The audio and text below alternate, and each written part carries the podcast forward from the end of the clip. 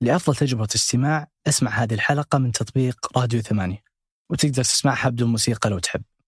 أحد الزملاء الأطباء في اليمن اتصل بي كذا يوم من الأيام قال ألحقوا بنتي. إيش بها؟ قال عندها مرض قلب يحتاج تدخل الآن أو تموت. وطبعا في غلق كورونا وغلق أمني علاقتي بوكيل المعالي قوية. فاتصلت عليه على جواله الخاص. السلام عليكم أبو محمد. خير يا أبو عبد العزيز. قلت له والله عندي طفلة في اليمن تحتاج إنقاذ. تقدروا تطلعوا طيارة بفريق عشان طفلة؟ فكان الرد العجيب اللي ما توقعته في حياتي. أصدقاء مربع الرائعين. السلام عليكم. أنا حاتم النجار وهذا مربع من ثمانية. ضيفنا اليوم عجيب. دكتور جميل عطا استشاري قلب أطفال ومؤسس عدة مبادرات تطوعية ساهمت في علاج آلاف القلوب الصغيرة حول العالم. استضفناه للحديث عن تجربته هذه ولكن اللقاء أخذ مجرى آخر تماما في بدايته. سألته سؤال عابر عن التدخين واكتشفت أن قلبه مليان كلام عن هذا الموضوع. ثم سألته سؤال عابر آخر عن معلومة عرفتها أن عنده ما شاء الله عشر أبناء. واكتشفت أيضا أن قلبه مليء بكلام عن التربية والحب. لأن مربع مساحة حرة للقصص والتجارب سمعت منه عن كل هذا واستمتعت كثيرا ومتأكد أنكم تستمتعون أيضا. حديثه عن تجاربه التطوعية على مدار سنوات كان ملهم وعظيم عن طائرة حربية طارت من السعودية لليمن لإنقاذ طفلة واحدة عن عالم التطوع الجميل وكيف تقدر أنت تكون جزء منه وعن جهود عظيمة نشوفها أحيانا في الصور لكن ما ما نعرف القصص الكاملة خلفها. حكاها لنا الدكتور جميل. أتمنى أن يعجبكم هذا اللقاء استمتعوا. يا رفاق. أه، تخصصك أنت دكتور في قسطرة الأطفال. أنا استشاري قلب أطفال هذا تخصصي العام وتخصص الدقيق قسطرة القسطرة العلاجية لقلب الأطفال. عجيب تخصص الدقيق. وهل أول ما بدأت تفكر في في المستقبل كان واضح بالنسبة لك هذا المجال ولا جت كذا؟ كان واضح بالنسبة لي أني طبيب قلب. هذه ما فيها شك. بس أطفال ولا كبار هذه لها قصة. أه، متى بدأت القلب أول شيء؟ بعدين خلينا نجي على الأطفال أنا بدأت أعتقد أني طبيب قلب وأنا في خامسة طب وأنا طالب. قبل ما أخلص ثلاثة شهور من الامتياز تعينت في الجامعة معيد يعني بداية عضو هيئة تدريس في قلب الكبار. وفي نهاية السنة الامتياز اللي هي إحنا نجرب فيها كل التخصصات نمر عليها واحد واحد. وجدت نفسي أكثر مع طب الأطفال. أميل له أكثر. فاخترت طب قلب الأطفال. تحولت من قلب كبار إلى قلب أطفال. طبعا الله يرحمه الدكتور أسامة شبكشي كان هو من من قبلني في في قلب الكبار كان عميد الكلية أيامها. عام 88 89 ميلادي. بس ليش اخترت أطفال؟ لأن الكبار ما يسمعوا الكلام؟ آه، أنا طبيب قلب يعني من الملاحظة خلال سنة الامتياز تقول له يا والد الله يحفظك خذ دواء الضغط قلبك ما حيكون كويس وضغطك عالي. ما يسمع كلام ضبط سكرك يا والد؟ السكر ما هو كويس. يسوي يتعب الأوعية الدموية يتعب القلب شعر يتعب الشرايين التاجية.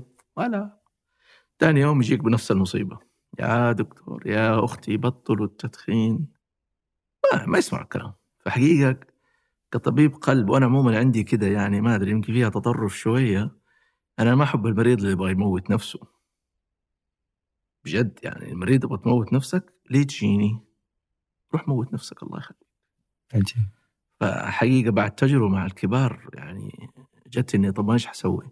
حيجيني حدي له دواء، حيجيني أسوي له عملية، حيجيني أسوي له قسطرة وبعد ثلاثة شهور حيرجع بنفس الشيء. ما كان يسوي شيء، ما في achievement، يعني إيش سويت طيب أنا؟ بس مجرد برجع. رحت قلب الأطفال قلت لا في أب وأم يسمعوا الكلام تقول لهم ولدكم تعبان خلاص حطوا له الدواء زي الألف الأم تقول لها كل 12 ساعة مستعدة تصحى ثلاثة الفجر تقول لها لا مو مو يعني بهذه الدرجة. ممكن تديه 12 أو 6 الصباح. تقول لك لا بس هو أخذوا ثلاثة الظهر عندكم في المستشفى. فأنا تصحى تعاير ال... ف بالإضافة إنه طبيعة أمراض القلب عند الأطفال فيها الشفاء عالي. يعني طفل يجي بثقب وشبه بيموت وتعبان وعنده هبوط وظائف قلب سكر له الثقب بعد سبع أيام هو طفل طبيعي.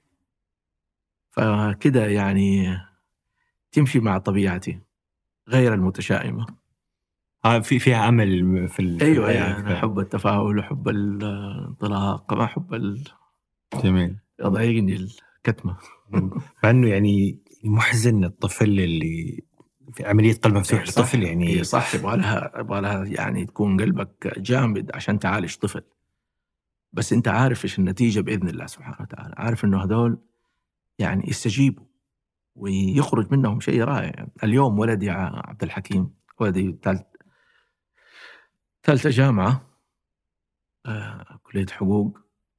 ف زميله مرسل له رسالة واتساب يقول تعال شوف زميلي يقول أنت ولد فلان؟ ترى أبوك هذا اللي سوى لي العملية لما كان عمري سنة قبل 20 سنة. ولد عمره 21 سبحان الله.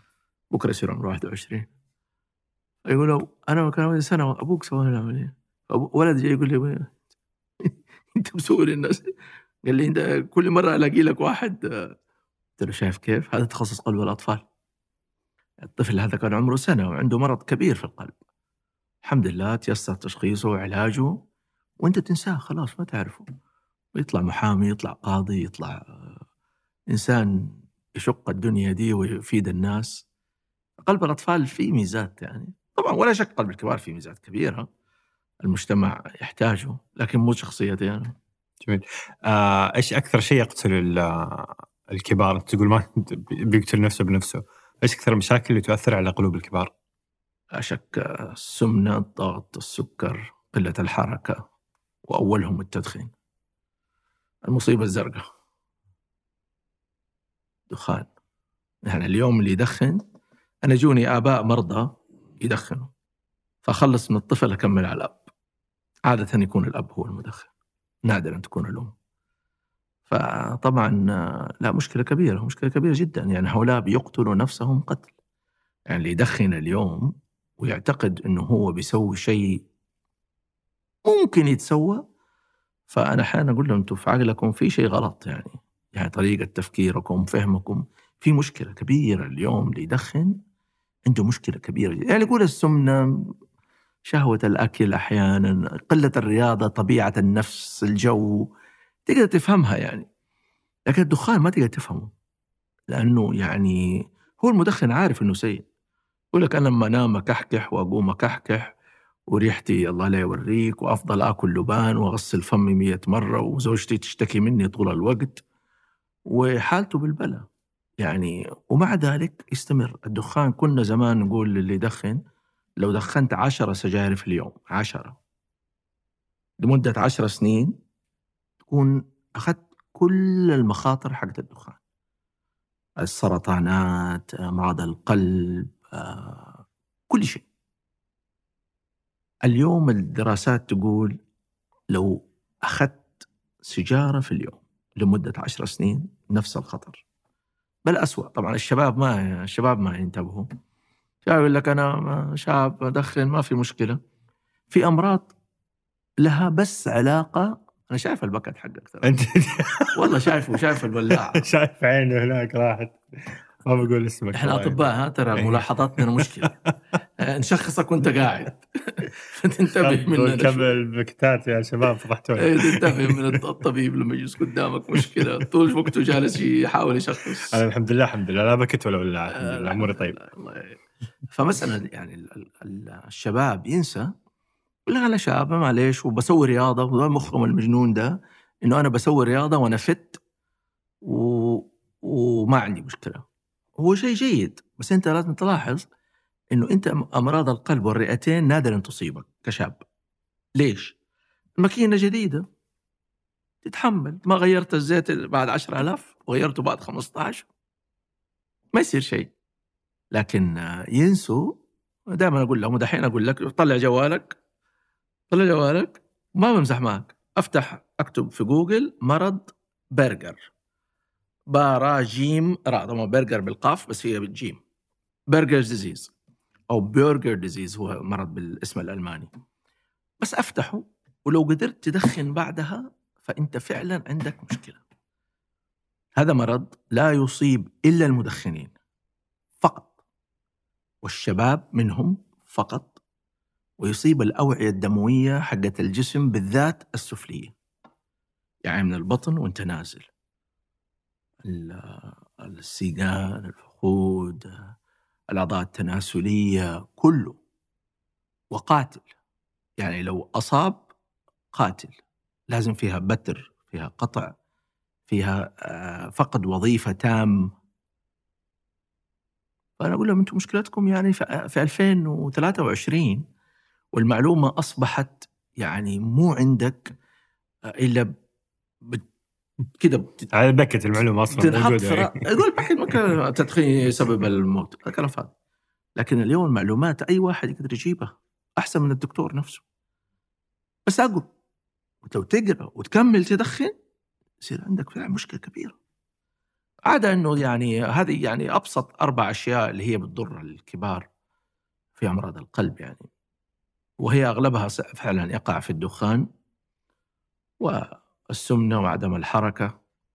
وأما السكر فهذا ربنا يقدره يعني بالذات اللي ما هم دخان. يعني في ناس لا في ناس هو سبب السكر نفسه لأنه دخين دخين جدا. اللي ما هو دخين رب هذا أمر الله بس على الأقل حافظ على على سكر سكر تراكمي مضبوط مرتب الدهون حقتك مرتبة.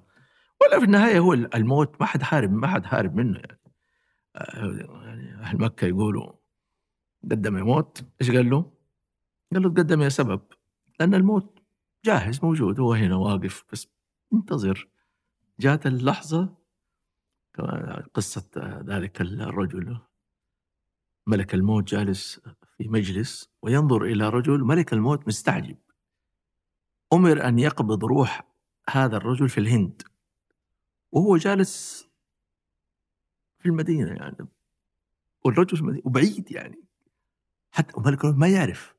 شوف سبحان الله على معرفته باعمار هذا وهذا بس ما عنده الغيب فين يروح؟ ما عنده هذا فإذا بالرجل هذا يؤمر إنه يروح للهند لشيء معين في نفس الموعد بس عشان يلقى أجله. تقبض روح عجيب. ولذلك هو الموت يعني ما هو إشكال. بعض الناس يقول لك يا الله يا شيخ طبعا كلنا حنموت وإحنا عارفين ده الشيء. كلنا حنموت وممكن بدون سبب كمان. والناس بتموت ونايمة. وما عندها ولا شيء. لكن سبحان الله الله عز وجل في هذه الدنيا ما عاملنا بالمعجزات ولا بالكرامات. صح في معجزات وكرامات بس قليل. كده بس عشان تحلل الدنيا أو تنبهك. لكن الأصل أنه بالأسباب. واحد يدخن يقول لك لا أنا ما أحس إلا شيء يقول له لا. بس إيش حل الدخان؟ يعني هو أنا أفي أنا ما أدخن. بس يعني أفهم المدخنين من ناحية أنه هو يبحث عن هذا النشوة. النشوة التنميل حقت النيكوتين حتى الأمريكان يقولوا people smoke uh, for tar and die from nicotine.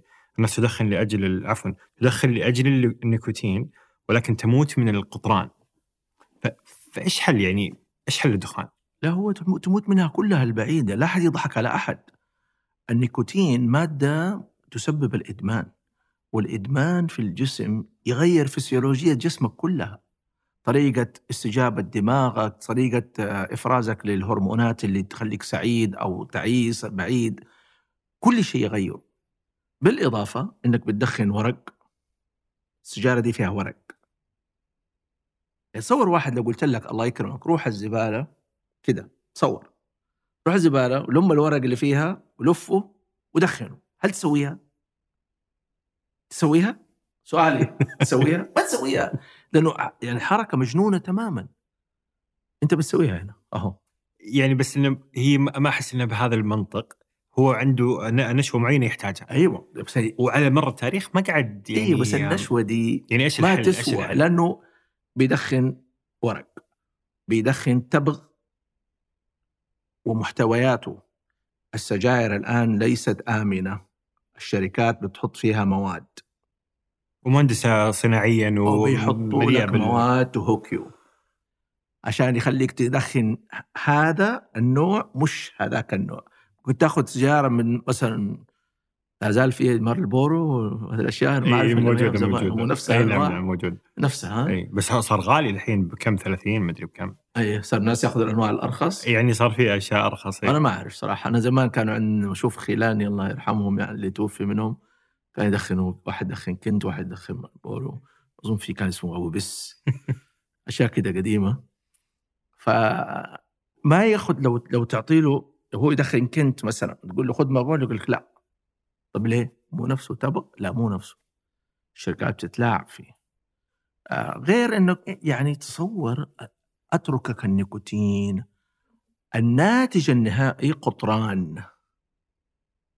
عارف القطران إيش هو؟ بالله يروح عند واحد حق يربي إبل عنده جمل جربان.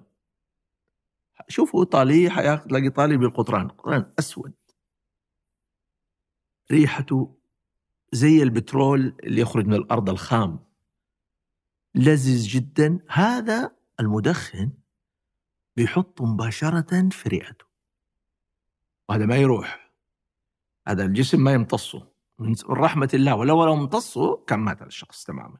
كان ماتت كبده وكل أعضائه بس سبحان الله من خلق لنا فلترين في الجسم فلتر الرئة وفلتر الكبد. عشان تشيل السموم اللي إحنا بنحطها. فالقطران هذا مشكلة كبيرة.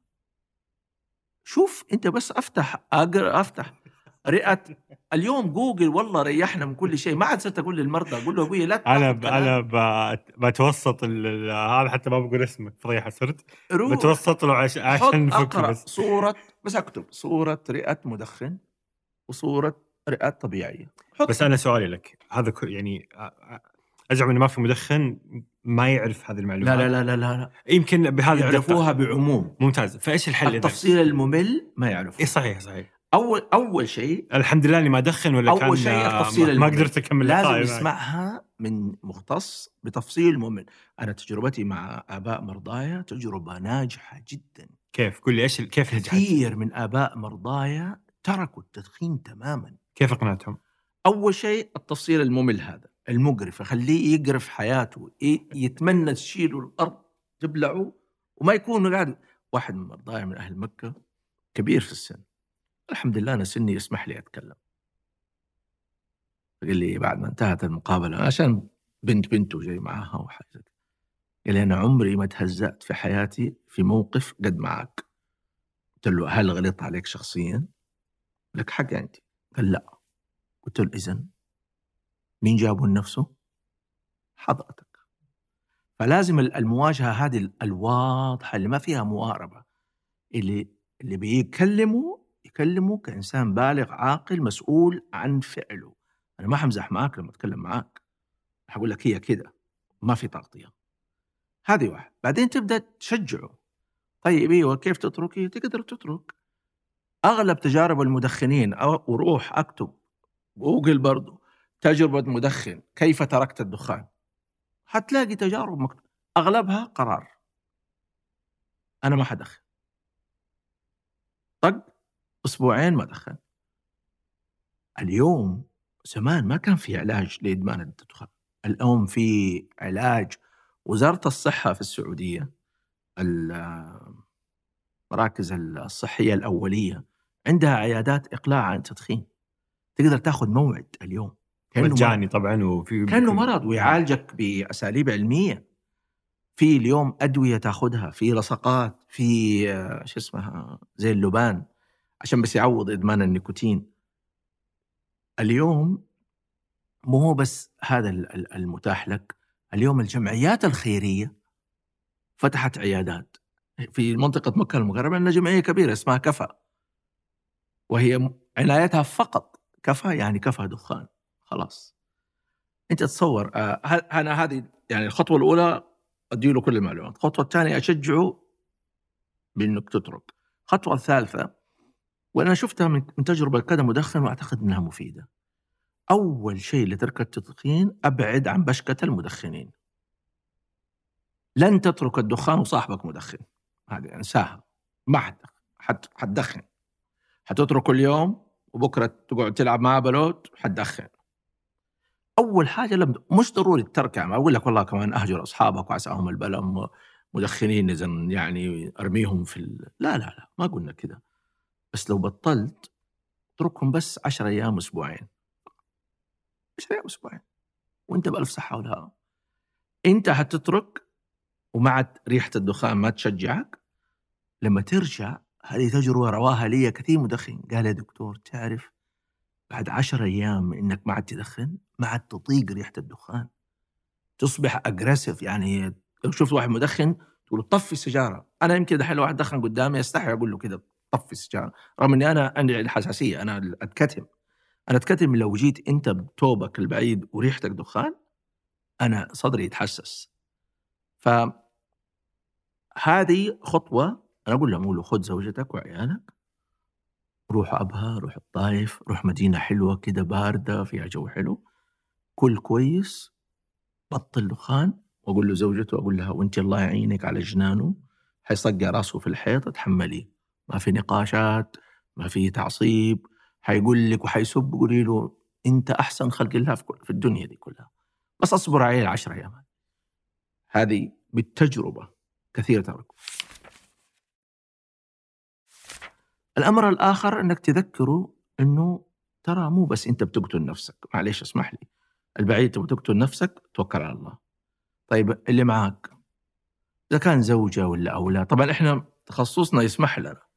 يسمح لي كثير نأثر على على المدخن الأب لأنه كثير من الأبناء اللي عندهم مرض قلب يتاثر ويتعب. يتعب يتعب يجينا الطفل يدخل الطوارئ. لا إيش بك صدره مكتوم.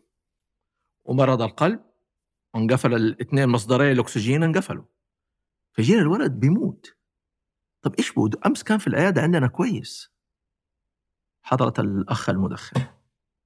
حتى لو ما دخن يعني آه البقايا إيه. يقول لك أنا ما ادخن قدام أولادي والله يا دكتور إني ما ادخن إلا في العمل. أول ما أدخل البيت ما أدخن. ممتاز. هل تعرف إنه في دراسات تقول 40% من كل سيجارة تدخنها؟ ترجع معاك البيت في شعرك في نفسك في ملابسك في أياديك في جلدك. 40% يعني إذا أنت تدخن 20 سيجارة في اليوم أنت بتخلي زوجتك وأولادك يدخنوا 8 سجاير. أنت حر. تبغى ولدك اللي عمره خمس سنين يدخن 8 سجاير؟ إذا قلت إيوه قم. لا تتكلم معي وروح شوف لك محل ثاني عندك مشكلة كبيرة جدا مشكلة كبيرة. تترضى ولدك اللي عمره خمس سنين يدخن؟ لو قلت إيوه ولو قلت لا لازم تترك. فهذه آه واحدة من الأشياء يعني حتى أحيانا بالغ معاهم أقول لهم أنت عارف ممكن أسمح لك تدخن وولدك عنده مرض قلب فيفرح شوية كذا يعني تلاقيه أيوه الدكتور حيوجد لي مخرج تحط دش أكرمك الله برا البيت في الشارع. تفسخ ملابسك كلها تروش برا في الشارع تتمضمض تغسل وشك وبالصابون بعدين تدخل. فيطالع فيه. مشكلة الحياة يا دكتور. تروش كده في الشارع قدام الناس قلت له أيوه. هذا الشيء الوحيد اللي يسمح لك تدخل بيتك إذا كنت مدخن. طبعا ما أقدر أسوي قلت له فهمت الرسالة. فهمت أنا إيش بحاول أوصل لك. أنا بحاول أقول لك إنه أنت مو مسموح لك تدخن. أنت ما ممنوع تدخن. آخر شيء من الاساليب اللي أستخدمها معهم أقول له أنت تعرف إنه في ناس فقراء صح؟ قال لي أيوه. ممتاز. قلت له بكم تدخن في الشهر أنت؟ ما في أحد بيدخن في الشهر اليوم بأقل من 600 ريال والأغلب بيدخن ب 1000 و 1200 ريال كلامي صح ولا غلط؟ 600 ريال حددنا صح؟ يمكن أقل أنا أقل صراحة أيوه ماشي ماشي الحال خلينا نقول 600 أنت كم تدفع طيب؟ أنا يعني اسبوعيا بكت أسبوع ونص آه خفيف على أيام أسبوع. والله. فانت أنت دحين كلامي المفروض يشجعك إنك تترك تماما. لأنه قلنا لك واحدة سيجاره في اليوم يعني 30 سيجاره في الشهر تعطيك كل مخاطر التدخين. فلازم تترك. ممتاز. بس إنه صح لأن البكه تقريبا ب 27 28 أيوه هذه أنا حاسبها. فهي صح نتكلم من عندي لا مو هو كله كده. في لما يروح يبشك وفي تعس يسموه معسل. فلما يجوني أحيانا يقولوا لي أنا أنا دكتور ما ادخن أنا بس آه، أه- أشرب معسل. قلت له أنت ليش تسميه معسل؟ عشان تضحك على نفسك. اسمه معفن. هو ما اسمه معسل. أنت بتسميه معسل عشان تضحك على نفسك. هو اسمه معفن. قلت له أتحداك تشرب الموية حقته ولا تحطها في فمك. والله. ريحته حلوة المعسل. أنا ما أعسل بس أحب ريحة المعسل. هذه مشكلته لأنه في ال- المواد العطرية المتطايرة يسموها ال aromatics أيوه هذه أخطر على رئتك وأنت ما أنت مدخن من النيكوتين والورق والتبغ. الرئة لا تقبل الدهون. وال aromatics كلها دهون. ليش الأكل طعمه لذيذ لما تحط له سمنة ولا زبدة؟ ريحته حلوة. اقلب زبده ولا بسمنة واقلب زيت حتاكل أي واحد؟ السمنة طبعا. طبعا ريحته روعه ليش؟ لأنه هذه المواد الدهنية هي اللي تحمل الروائح. أنت دحين لما تجيب دهن عود يحطوا لك هو في موية؟ ولا يسموه دهن عود؟ وزيتي أصلا. أيوه لأنه هو اللي يمسك الريحة. ف هذه ال... هذه اسوء فاللي يعسل أقول له آه طيب بكم بالله ال... الراس كم المعسل لو الحين تدخل أي كافيه. بكم؟ 50 أو 60 80 ريال. وفي 120 وفي باكثر كمان. عاد حسب المحل. قلت له في الأخير خلينا نقول أنت بتدفع 1000 ريال في الشهر. هل تعلم إنه الأسر المتعففة ممكن تعول خمسة أسر ب- بالألف ريال ده شهريا؟ هل تعلم ذلك؟ لو أعطيت لكل أسرة متعففة 200 ريال تكون غنيتهم عن فاتورة الكهرباء عن فاتورة الموية كاملة شهر. قلت له أنت مستغني عن صحتك؟ قلنا بكيفك. هل مستغني عن الأجر؟ يا راجل لو قدر لك دحين قلت لك يا حاتم أنت الآن حتعول خمسة أسر كل شهر مدى حياتك. إيش رأيك؟ ممتاز. هل تقايض أحد على على مكسب زي ده؟ وأنت تقدر تسويه اوتوماتيكلي ما هو بكلفة. تقايض؟ لا طبعا. ترضى بغيره؟ لا طبعا. ما ترضى بغيره. طب أنت هو قايضه بالدخان يا راجل. بس قايضه بالدخان. شيل الدخان. الله عز وجل يرضى منك شق تمرة أجر. ال 27 ريال حقت البكت ما هي شق تمرة؟ 2 كيلو تمر. لا حد يدخن زبدة لا حد يدخن. خصوصا هنا يا إخوان. جميل. 27 ريال 2 كيلو تمر اليوم. صح. تأكل أسرة ثلاثة أربعة أيام وهي من أجل الأكل. صح ولا لا؟ ليش لا هي من أجل الأكل؟ أنها كانت طعام النبي صلى الله عليه وسلم. تقول عائشة كنا يمر الشهر والشهرين والثلاثة. لا يوقد في بيت ال- النبي صلى الله عليه وسلم نار يعني ما يطبخوا. طعامنا إيش؟ إيش تقول؟ آه، التمر والقديد. الأسودان. التمر والقديد. التمر والماء. آه، والماء.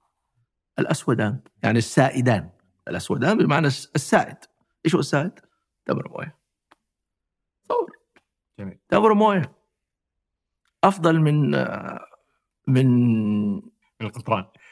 آه يعني ما توقعت نطول في موضوع الدخان بس يعني سبحان الله لعلها خيره وإن شاء الله يعني يصل هذا ال- الكلام للمدخنين ويأثر ويغير فيهم. أتمنى ذلك. أنا هذه رسالة بالنسبة لي. طب ليه جمعياتكم ما- هي عن التدخين؟ إحنا جمعية يعني متخصصة.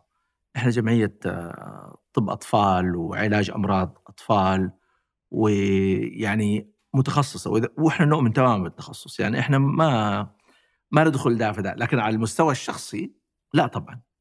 أنا على المستوى الشخصي متبني جدا مسألة مكافحة التدخين على الأقل في محيطي. يعني أنا ما أروح أسوي برامج ولا لا ما يعني ما عندي الوقت ولا الجهد إني أقدر أس- لكن ما أترك. شو أنت اليوم فتحت الموضوع هذا وأنا ما جيت اليوم أتكلم عنه أصلا. طبعا. أعطيتك ما في جعبتي فيه ومستعد أجلس مع مدخنين لو واحد يدعوني وجاد أجلس معاه وأتكلم معاه وأعيدها عليه. أنا أتابع مرضاي اللي يجوني في العيادة أتابعهم وأقول لهم هي أقول له ترى معلش يا أبو فلان ترى المره الجايه لو جيتني وأنا شميت ريحة الدخان في احتمال كبير أقول لك ملف ولدك متقفل. مبالغة هذه يا دكتور. أيوه أيوه, أيوة. شايف أنت ما عجبتك. أيوه. توجع. طبعا. المدخن لازم يفهم إنها توجع. إن أنا ما بمزح معك أنا تركت قلب الكبار كله لأنهم يريدوا قتل نفسهم. تبغاني أعالج أب ويبغى يقتل ولده؟ والله الويش طبعا ما حصل. طبعا عندي عندي عندي. سؤال شوي شخصي وسامحني عليه. آه. أنت ما شاء الله عندك آه، سبع أبناء. أنا عندي عشرة أبناء. عشر أبناء. سبع أولاد وثلاثة بنات. سبع أولاد آه، قصدت الله يحفظهم لك يا رب. آمين. ولا واحد يدخن. لا ما آه، آه، ثلاثة منهم جربوا الدخان. جربوا الدخان. وتركوه. وكيف تعاملت مع الموضوع؟ بكل جدية وحزم. ما فيها لعب. ما فيها لعب. يعني الدخان أنا عندي مع أولادي أسلوبين. إذا أنت كبير ومنفصل ورايح في عندك بيتك وأنت متزوج هذا شيء. حدودي معاك حدود. أنت إنسان مستقل كامل الاستقلال. ما أقدر أسوي لك إلا إن أنا أنصحك ويعني وأبين لك مضايقتي من الأمر. لكن إذا أنت عندي أنت هتسمع الكلام. لأنه هذه هذه حريات شخصية. أنا ما أقبل في بيتي مدخن. ما أقبل. وهذه واضحة عند أولادي تماما. فأنت كاب لما عرفت إنه جرب الدخان كيف تعاملت مع الم- الموقف؟ آه ولا شيء على طول. ما مواجهة يعني مباشرة. ما فيش آه، طب شويش طب انتظر طب شوف لأن شوف ما تضيع وي- ويتمسك التدخين من الأولاد إلا إنه الأب يقول آه بس الولد أخشى عليه يفر من البيت ولا يهج ولا يتضايق مني ولا بالعكس يسوي حاجة أسوأ خليه بس في هادي ولا قدر الله يدخل لا لا لا لا لا, لا. عامل التدخين وكأنه مخدرات لو أحد لا قدر الله قال لك ولدك أخذ مخدرات إيش حتسوي؟ حتمزح؟ لا ما تمزح والتدخين بداية الطريق. صح حتى يسمونه في أمريكا gateway drug It is the gateway for ال- sure. البوابة إلى المخدرات. هذا شيء أصلا بالتجربة. أنا يعني الأولاد اللي عندي اللي حاولوا ثلاثة. وحقيقة جبتهم. قلت له يعني طبعا اول أول الكلام هو الكلام الطيب. يا ولدي إحنا ما ينبغي لك أنت كم كانت أعمارهم؟ معلش؟ نعم؟ أعمارهم. كانوا كلهم على نهاية المتوسطة منتصف الثانوية. 16 17 هذا السن. أيوه اللي هو السن ال- اللي عنده شباب وأصحاب وضغطهم وكذا. السن هذا. طبعا ما يعني عادي. ولدين. لا أبوك يدخن لا جدك يدخن لا عمك يدخن ما عندنا أحد ثاني العيله عندنا ما في. الأمر الثاني أنت إنسان شاب وصحتك سمعتك ترى الدخان تيجي تخطب في ناس كثير حيقولوا لك مدخن سوري. آه، انت نفسك آه، فتتكلم معاه إنه لا ترى ما هو حلال. لا تعتقد إنه حلال. لا في مشايخ يقولوا لا إنه ما قلت له أقل ما فيه إنك بتلقي نفسك إلى التهلكه والله يقول ولا تلقوا بأيديكم إلى التهلكه لا لا تدخل لي في الفتاوى ولا شيء. انت تؤمن هذا القرآن إيش يقول؟ وانت تقرأ وانت إنسان عارف. فنبدأ بكذا. مباشرة بعدها ممنوع في عندي. You have to quit يعني you have to quit. الآن. لو اضطريت أن أحبسك في البيت وما تخرج عشر أيام ما تخرج ما تخرج. حتى الجامعة ما تروح. حتى المدرسة ما تروح. إلين ما أطمئن أنك تركت. وطبعا إذا تبغى تكون أب وتكون مؤثر في أولادك تحتاج تكون من قبلها لك رصيد. يعني قد يعتقد الناس إنه أو في ناس طرفين يعني مثلا لما تبغى تصرخ في أحد ولا تخصمه ولا تخاصمه يقول لك يا أخي الأسلوب هذا الجاف القاسي. صح إيوه صح لما ما يكون عندك رصيد. لكن عندك رصيد مع أولادك ويعرفوا محبتك لهم وحرصك عليهم والسنين دي كلها وكيف تربيتك لهم ترى ياخذوا كلامك صح فيه قسوة بس ترى ما ياخذوا بالقسوة المنفره القسوة اللي هو عارف إنك خايف عليه. ف... وطبعا ما أقول لك اني نجحت من أول جلسة لكن الحمد لله ما جاءت ثالث جلسة إلا هو انتهينا لأنه الأمر هذا ما يصلح في تمييع الأمور، يعني أحيانا بعض الأباء من خوفه ومن حبه ال- الموضوع عنده يميع شوية. ي- يبان كأنه إنه آه، عندك فرصة إنك تبطل، لا مو ما عندك ما عندك فرصة إنك تبطل، أنت لازم تبطل. ما عندك. هي هي الشيء الوحيد اللي عندك. هو طبعا آه، يعني ما ما ادعي إني والله ما شاء الله تبارك الله ناجح مع أولادي في كل شيء، لا لا زي أي أب. تحت وفوق. إلين ما أنت بس أهم شيء المحصله النهائيه فوق. عارف كيف ال- هذا؟ مرة نزلنا ونطلع أكثر شوية بعدين ننزل نصها بعدين نطلع أكثر شوية. في الأخير إحنا فوق. الأولاد في الأخير تقدر تتغلب عليهم بهذه الطريقة بالإضافة في ميزة عندك كأب ويمكن بعض الأباء أو إحنا الأباء ننساها. دعاء الأب والأم مستجاب. تشك في هذا؟ ابدا. ابدا. سلاح أعطاك. أنا لما أتعب مع أولادي بس عاد لا تهددونا فيه يعني يا آه. آباء. يعني لا لا تهددونا في هذا لا لا ما. نحددك لا نستخدمه معاك إحنا ما ممتاز. نستخدم أعوذ بالله إنه أحد يدعي لا ولا أنا أمي وأبوي امورهم طيبه لا يعني. أعوذ بالله إنه أحد يدعي, يعني. يدعي على على أولاده ولا يحد أعوذ بالله يا الله من يسوي كذا؟ إنه لا لا بدع عليك لا يا شيخ أعوذ بالله ولا تهدد ولدك ابدا ترى أغضب عليك أعوذ بالله من يقول لولده كذا آه هذا الأسلوب هو اللي يكسر العلاقة. يقول لولدك أنا أغضب عليك؟ تغضب علي ليه يا أبوي ترى أبوك غضب عليك؟ أنا عملت أبوي بكل شيء ممتاز ما شاء الله تبارك الله. والله لولا صبر أبوي عليه رحمة الله عليه ما طلعت. ولا صرت بني آدم. ولا إنه صبر علي في أشياء الآن لما أنا أرجع لها. أبوي والله يا صبرك. كيف استطعت تتماشى معايا في ذاك الوقت؟ لما أذكر بعض الأشياء. ومع ذلك تماشى معاك وطلعت إنسان إن شاء الله فيما ترى وتحسب سوي. فلا ما فيش غضب. لا تستخدمه في لهم. بس كيف بنيت ال- ال- الرصيد؟ أنت ما شاء الله عندك سبع أبناء وثلاث بنات. الله يحفظهم جميعا لك. كيف بنيت رصيد آه، عند هذا الأبناء؟ والله تعلمتها من الوالد والوالدة ومن المحيط. حب بإغداق. لما تحب الإنسان حبه بجد حبه كثير وخذ أماكن وأوقات وبين هذا الحب. لا تخليه. آه، وري ولدك إنه أنت تحبه إنه له حظوه عندك إنه له مكانته. آه مو معناها إنه لا يعني سويت له كذا معناته والله ما أقدر أربيه. لا أربيه وأظبطه كمان وامشيه على العجين ما يلخبط لكن أعطي من غير منة. زي ما أنت والدك دحين لو تذكر كل الأشياء اللي أعطاك إياها قال لك أنا أعطيتك؟ لا طبعا. قال لك والله آه، من فين أعطيتك؟ أنت دريت كيف جاب لك هي أصلا؟ الفقير والغني الأب والأم حاجة ثانية حاجة ثانية تماما. يصعب إنه أي ابن وبنت يعرف إيش معناهم ولا إيش قدرهم. لكن طالما الابن يشعر إنك تحبه واندلس يعني ما فيش حد لهذا الحب. وتغدق منه تعطي كل مرة تعطي وفي نفس الوقت أنت بتحترمه. صدقني الأبناء يرجعوا ويجوك. الأبناء ما يعني يهجوا إلا من الجفاف اللي كمان تكمله القسوة. لو واحد تبغى تكون قاسي لا تكون جاف. ما يمكن ممكن اكون قاسي وحازم. بس ماني جاف ابدا. يعني مرت علي أشياء في حياتي مع أولادي.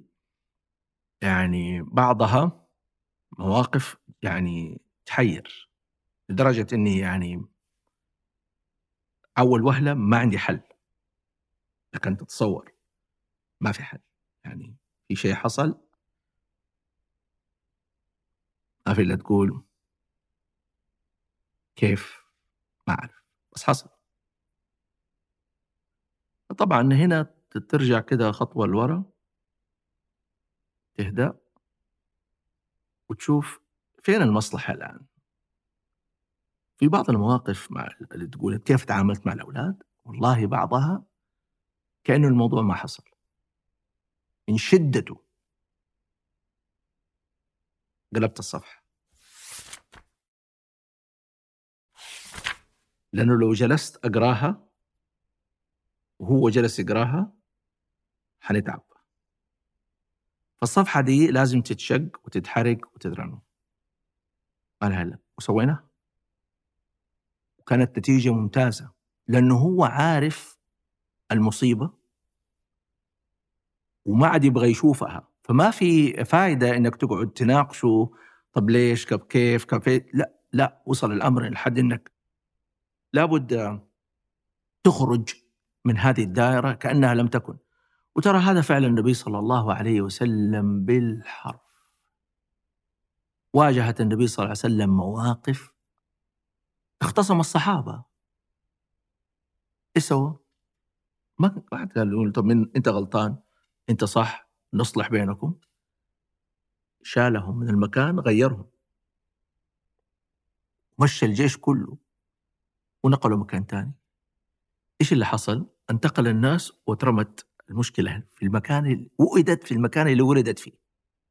ف يعني طبعا لما تكون أب وصار لك يعني فترة أنت إن شاء الله كذا يعني مع الوقت حتتعلم الأساليب هذه كلها وبعضها بالتجربة طبعا خطأ وصواب لكن آه يعني الإنسان اللي يستعيذ بالله من الشيطان الرجيم عاطفته كويسة ويحب ويعرف يعني ما يكون إنسان جاف ويحكم عقله بطريقة جيدة يستفيد من خبرات من حوله. المواقف هذه ما تصير صعبة وأولها وآخرها لا تنسى أولادك من الدعاء. يعني أحيانا أخصص لواحد من الأولاد أو واحدة من البنات. صلاتي اذا كنت بصلي الوتر قبل ما أنام الركعتين ثلاث ركعات أو الركعة حقت الوتر قبل ما أنام السجود كله له أو لها. تماما. ولا شيء إلا له. للمشكلة اللي, أنا في بالي اللي مؤرقتني إلين ما أشعر إنه أنا ارتحت. يعني قلبي شوية ارتاح. أرفع وأسلم وأروح أنام. الاستعانه بالله سبحانه وتعالى في تربية الأبناء خروج مشاكلهم. بالذات إنه ربنا أعطاك السلاح. أنت اب أنت أم. دعاكم ما ينزل الأرض. الله يجيب المضطر إذا دعاه. أما الاب والام ما ينزل. رحمة الله عليها الوالدة. يوم كنا اختبارات كلية الطب. أنا وأختي الكبيرة أكبر مني بسنة دخلت كلية العلوم. وبعدين أنا جيت طبعا السنة اللي بعدها دخلت كلية الطب فهي حولت من العلوم للطب. ودرسنا مع بعض. فكنا نجي وقت الاختبارات كانت الوالدة رحمة الله عليها. يعني تقعد تشوف أحوالنا بنذاكر ما الطب كان صعب. نقعد أحيانا إلى الفجر أحيانا نواصل وندخل الاختبار. يا دوب الواحد يمكن نام ساعة ساعة ونص بس حتى يكسر النعاس.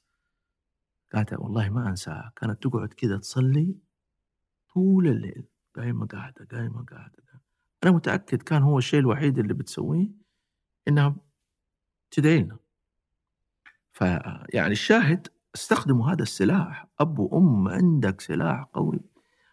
لو حاست بك الدنيا كلها أرفع يدك وقول يا رب ولا يستعجل الإنسان في إصلاح الأبناء. ترى هي مسألة يعني ما هو بين يوم وليلة. لا لا لا. ونعم بالله أنت قاعد تقول أحب وأغدق في الحب. بس يعني دائما عندنا أزمة الأب العربي إنه يعبر في للحب لأبنائه. وأنا ترى لما أشوف هذا المشاهد في الأفلام الأمريكية وكذا أحس إنه في شيء غلط. يعني إنه في أب قاعد يقول لابنه أنا I love you أنا أحبك يا ولدي. أحس إنه في شيء غلط. اي اي فأنت يعني إيه، هل ما تعبر لأبنائك زي كذا؟ بنت الممثلين. إيه. لا طبعا. يعني أنت بس تقول لولدك حبك. لا ولدك يعرف حبك من معاملتك وأحيانا من ألفاظك. يعني أنت كيف تعبر لابنائك عن عن يعني مثال الأولاد لما تناديهم يعني تناديهم باسم محبب لهم. ما يمكن ما يكون بالاسم نفسه. آه، تلاقيه هو عنده اسم nickname يعني كذا آه، يحبه يا اصحابه ينادوه بي أنا ناديه بي. تلعب مع أولادك؟ أيوه ألعب مع أولادي. وأمزح معاهم. و- وطبعا هم يقولوا لي دحين انت بابا كبرت وهم شايفين نفسهم ما شاء الله عضلات وأقوياء بالذات الأولاد. ما في. تبغى مطارحة؟ أنا أقعد معك كسر راسك كمان.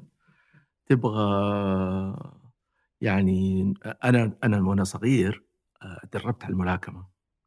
وأنا صغير صغير يعني أتكلم على أولى وثانية ابتدائي. ولك ان تستعجب. بس هذا كان في بعثة. الوالد كان مبتعث لامريكا في عام 1969 و70 و71 وأنا كنت مصاحب له كنت دوبي عمري خمسة سنين ونص ستة سنين ونص. فدرست سنتين وكان من ضمنها كان عندهم في المدرسة اللي اللي درسنا فيها كان عندهم أنا ما ما تعجبني الكورة أنا عندي عرج بسيط في رجلي فالكورة ما تناسبني ولا الرقبي حقهم ولا أي شيء. جيت الملاكمة. فأنا الآن يعني هذا التالنت لا زال موجود. فأقول له يلا هاي تعال قوم. واحد من أولادي ما شاء الله تبارك الله عظمته طيبه بس شوف. تبغاني أضرب زي ما ولا عشانك أبويا؟ عقوق هذه فيها عقوق. ولا عشانك أبويا؟ قلت له لا ما في أبويا لأني أنا لو حصلت عليك فرصة حعورك. حعورك. فانتبه غطي وجهك مظبوط لا حتجيك واحدة نوك اوت فيعني هذا جزء إنك آه أنا آخذ أولادي. ما يعني بعد ما كبروا يمكن كانوا صغار كان لي خارجات لوحدي وروحة و... لكن بعد ما شوية كبروا أولادي أنا ما عاد صار عندي يعني شوف زي كده فقط الأشياء اللي هي لابد أروحها. أو العمل التطوعي أو اجتماعات مفيدة أو زي كده برنامج. يعني ما عاد صار عندي حياة اجتماعية. لا تدور حوله. فأصبحنا يعني مثلا أنا غاوي بحر وصيد وقوارب أخذ أولادي ونروح. فأي طلع في بالك اولا؟ إيوه هم الأول هم الأول. وتستشيرهم وتسألهم وإذا ما عجبهم بعدين في الأخير تنظم لهم هي أنت بنفسك؟ وما في إلا كذا. فالشاهد يعني من خلال العمل من خلال التفاعل من خلال هم من ما يشوفوك يعني إذا احتاج شيء ما يحتاج هو يقول لك أنا أحتاجه. يعني أنت تتلمس احتياجاتهم وتسوي لهم هي. يجي فجأة يلاقي نفسه يعني مثلا قريبا واحد من الأولاد كبر ما شاء الله خلاص ثالثة ثانوي داخل الجامعة و...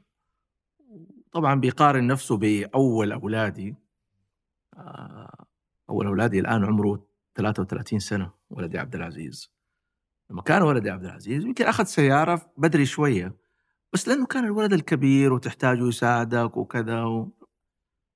فطبعا الأولاد ال- الأصغر ما ياخذوا نفس ال- الميزان. ترى ما ياخذوها لأنه يبدأ تكون تربيتهم أقرب إلى يعني آه، لا أنت صغير لا أنت كذا واحيانا بطبيعة الحال فهو طبعا لمح من أولى ثانوي لمح إنه أخواني بعضهم أخذ سيارة في أولى ثانوي أنا طيب أبغى.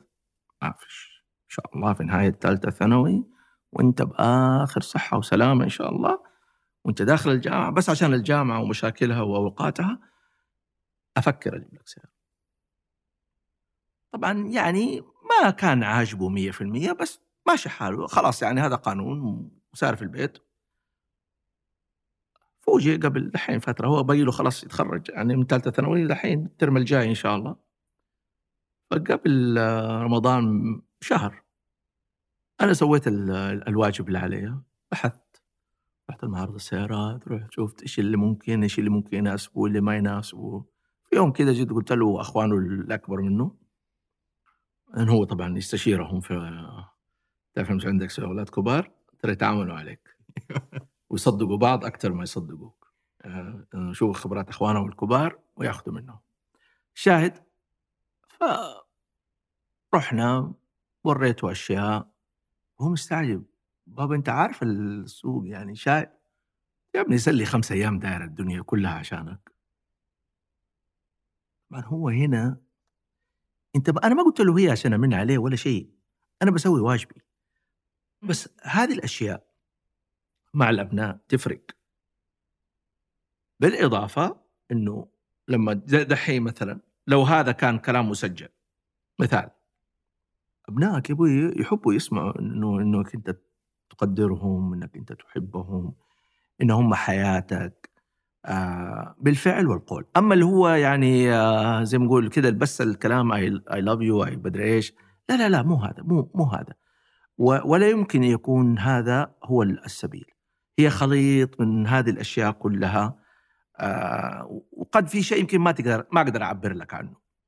يعني لكن أقدر أقول لك إنه الأب الناجح اللي يقدر والأم الناجحة اللي يقدر يوصل دايركت كده من القلب للقلب لأبنائه إنه أنا إنسان محب لكم أنتم أولوية في حياتي ناصح لكم وإن بدوت قاسي أو كذا. لو فهموا هذه المعادلة أبنائك وبناتك عشان كده اشتغل عليها. لا تشتغل على إنه يقولوا لك إيوه وطيب. ويطيعوك وطاعني ولا ما طاعني لا. أنت شوف هل هو فعلا. يعني أنا أختبر أولادي ترى. أقول لا كذا وترى ما عندي مشكلة إنها تكون كذا بس أبغى أحط محك. بعضهم يقول لك لا يا بابا أنا ما أبغى. أنا أبغى كذا والله شوف أنت عندك كامل الحرية لأنه الأمر ما هو يعني مفصلي بالنسبة لي أنا ولا هو أمر يعني من من أمر الله ولا من دين الله ولا هو أمر يعني حاجة كده. لكن أنا بقول لك الآن كده. طبعا ياخذ الأمر نقاش لكن تبغى تعرف إنه هو مقتنع إنك أنت يعني تحبه؟ يقول لك شوف بابا والله أنا ما عاجبني يعني لكن إذا أنت شايف كده خلاص هو كده. يوم يقولها على طول تقول له فهو طب ليه الم- الفيلم ده اللي صار؟ لا مو فيلم. أنا برسخ فيك. مفهوم؟ عشان لما أنت تصير عندك أولاد حتقدر تنقل لهم هو. كيف هم يحترموا كلمتك؟ وكيف أنت تحقق رغباتهم؟ الميزان هذا كيف؟ هذا ميزان دقيق جدا واللي ما ينظر له مع أولاده وبناته ما هي أشياء كده مأخوذة زي ما يقولوا مسلمات؟ لا ما في مسلمات في العلاقات. العلاقات طلعات نزلات جذب وشد. لابد تعرف متى وكيف. شعرت معاوية مو بس مو مع الناس ترى بس. الحين شعرت معاوية مع واحد من أولادك. شوفوا شاد في جهة. تقوم أنت تشد تنقطع الحبل ترى. لا ما تترك الحبل. وفي هنا الفرق. هو شاد في جهة ما أسيب له الحبل على الغارب ويروح لا أطول له الحبل بس الحبل عندي. جميل. الله يحفظك. عشان أقدر أرجعه. على الشيء اللي اللي أنا مضايقني أو ما هو عاجبني للشيء اللي أنا شايفه أصلح. والنقاش لما يكبروا يبدأ يصير النقاش جيد. يعني لما يبدأوا يكبروا تقدر تبدأ تناقش تبدأ ت- يعني تبين أسباب. وفي النهاية برضو القانون حلو. واحدة من الأشياء اللي يمكن ينساها الآباء والأمهات ترى البيوت لها قوانين. حط قوانينك من البداية. واضحة للجميع. عليك ولك. حطها. حتى هم لما يبغوا يعني يخرجوا عن الموضوع أو كذا هم بنفسهم يتراجعوا. قانون النظام. واضح أيه، قانون البيت ما يسمح بهذا. يعني مثال أو لا أبغى أجيب أصحاب البيت. من عيوني. تعال الصالون تحت يفتحوا زي ما تبغى. العشاء اللي تحبه جيبه بالعكس حبا وكرامه أنا يعجبني إني أكرم أصحابك. بس شوف سهر تطويل لأ. إحنا بيوتنا عندنا عيب إنه شباب داخلين خارجين آخر الليل من بيوت الناس. هذا قانون عندنا. طيب بابا الحين، ليش ما نسوي آه، مثلا ديوانية برا؟ عندنا في حوش البيت في مكان. لا. تفكر أنا يعجبني إنك داخل خارج وأصحابك له ما هذا ما يمشي. قلت له حتى لما إن شاء الله تنتقل لبيتك شقتك زوجتك أصحك تسوي كده. لا. الاصحاب حدود. البيوت لها حرمات ولها قوانين. ما حد يتعدى عليها. مو لأنه هذول البطالين اللي جايين ولا كويسين لا. هذه بروتوكولات. لو أنت رسمتها واضحة ذلك البيت اللي فيه أشياء واضحة من البداية خلاص. واتفق عليها. إحنا ما نخالف. وأنا ما حطالبك بأكثر كأب. وأنت لا تجي تخالفها. إحنا بسيطة جدا. يعني موسى يبغى يسوي شيء أقول له إحنا س... ردي مباشرة. إحنا نسوي كده. لا يا بابا حق رديت على نفسك.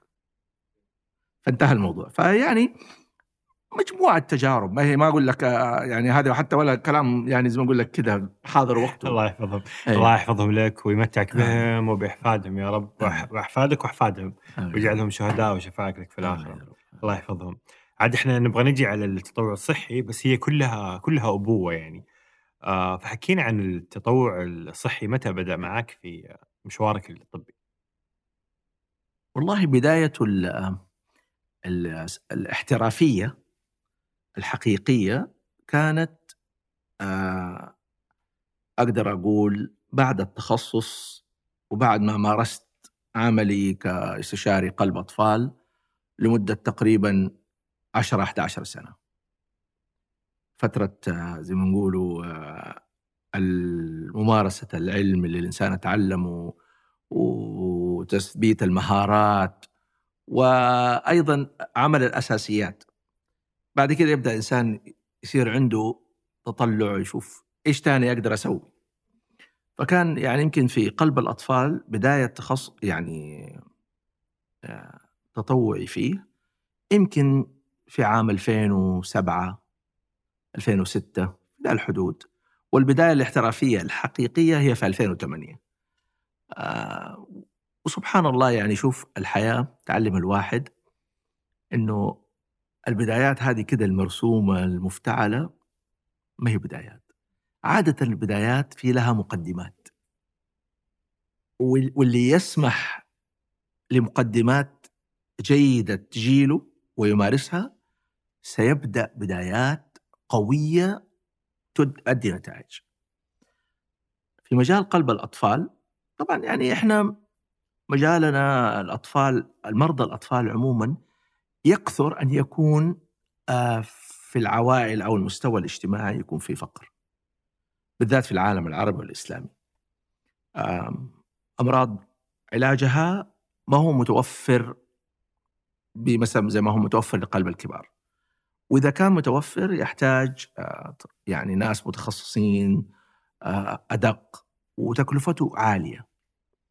فلا بد في هذا التخصص ما فيش فكة إنك يكون في تطوع. لابد لتخفيف ال ال- يعني ال ال الألم والهم على المرضى. فاذكر لما يعني رجعت جدة كان هذا العام 97 ميلادي. طبعا الواحد رجع ويعني جدة في ذاك الوقت كانت في جهود لأمراض قلب الأطفال لكنها حقيقة قليلة جدا يعني كان الموجود غير منظم. يعني في شوية في مستشفى الملك فهد العام آه، في جدة في ذيك الأيام شوية في بعض القطاع الخاص. طبعا الواحد وجد ما نقول بكر في المعنى الطبي معناته في مرضى كثير لم يعالجوا. طبعا واجهنا إنه في ناس آه، عندهم أهلية علاج لكن الموارد غير موجودة. وكيف توائم وتجيب الموارد؟ ووجدنا ناس كمان ما عنده أهلية علاج ولا موارد. فكان بطبيعة الحال لابد إنك تبدأ عمل تطوعي. هذه المقدمات. فأذكر يعني كان من يس من أستطيع أن أخدمه مثلا في المستشفيات أنا تبع مستشفى جامعة الملك عبد العزيز في جدة. من أستطيع أفتح له الملف وأعالجه. كنا نعالجه ونحاول نجيب الأدوات ونسوي اللي نقدر عليه وبعضهم نت- نتواصل مع الرياض زملائنا طبعا الرياض يعني في مجال قلب الأطفال في ذاك الوقت كانت متقدمة 15 سنة على الأقل.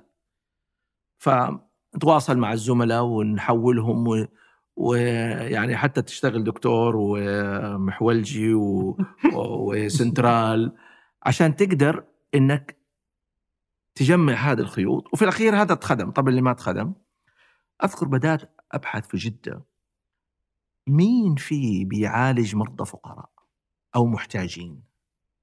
لأنه أنا عندي مرضى كثير كذا وما بقدر بالموارد الموجودة يعني إحنا دكاترة الجامعة واللي يقدر يساعد من هنا ما ما يكفي. فبدأت أتعرف على المؤسسات الخيرية على المبرات على الجمعيات. وسبحان الله يعني كانت فتح كبير جدا. بدأنا نستطيع نسوي عمليات نسوي قسطرة نجيب الدكاترة. حتى أنه أذكر لما افتتح أحد أكبر مراكز القلب في جدة الحكومي كان واحدة من إشكالاته أنه جديد وما عنده مرضى بس عنده موارد. فذهبت للمدير التنفيذي قلت له ترى ممكن أجي معاكم وأساعد. طبعا فرصة بالنسبة لي أنا أن أقدر كمان أمارس لأنه أنا ما عندي شيء. وفرصة للمرضى فذكرت له في ذاك الوقت قلت له ليه ما تسوي برنامج علاج خيري عندك في المستشفى؟ هل في في شيء يمنع؟ قال لا ما في شيء يمنع. إذا أوراقهم نظامية وفي البلد و... فبدأنا أشياء بسيطة زي كده. تنسيق مع أمير المنطقة في ذاك الوقت مع الجمعيات مع المبرات. فكان هذا يعني زي ما نقولوا إلى جانب العمل اليومي العيادات والقسطرة كان مقدمات.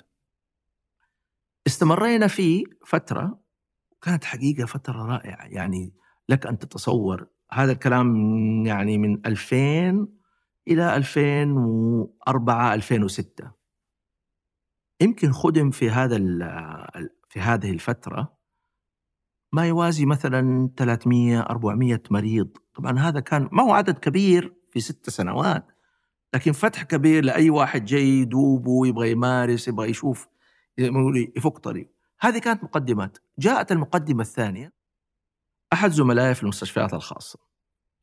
آه، اسمه الدكتور هشام عمر سأذكره لأنه هو صاحب يد استشاري أطفال واستشاري قلب أطفال مصري. تعرفت عليه مع البدايات لما رجعنا ما كان في ويعني إلا أربع أشخاص تعرفت عليهم وبدأنا نشتغل في الموجود. فجاءت له قال يا دكتور إيش رأيك؟ إذا السعودية كذا وضع بعض المدن فيها في ذاك الوقت الحمد لله الآن الخدمة يعني آه زي ما نقولوا سبع نجوم. فما بالك في الدول والمدن اللي حول السعودية. قلت له إيش تقصد؟ قال أغلب المرضى اللي الحين إحنا بنعالجهم هنا أغلبهم غير سعوديين هذول يعني. طب إذا هم هنا وتعبانين وعندهم أمراض وإحنا تعبانين نعالجهم هنا طب كيف بلدانهم؟ قلت له والله السؤال ده ما ما جاء على بالي لكن كونك طرحته الآن أكيد وضعهم أسوأ بكثير. يعني ما يحتاج لها ذكاء قال إيش رأيك؟ نبدأ نروح لبعض هذه البلدان وشوف إيش نقدر نسوي. هذه آه، القلوب الصغيرة هذا كان نواة القلوب الصغيرة. النواة الأولى هذه المقدمات، الحين إحنا لسه ما تكلمنا ترى عن العمل 2008 العمل. إحنا كنا هذا في المقدمات. فنسقنا لرحلة لليمن في ويكند ونسقنا مع مستشفى خاص هناك.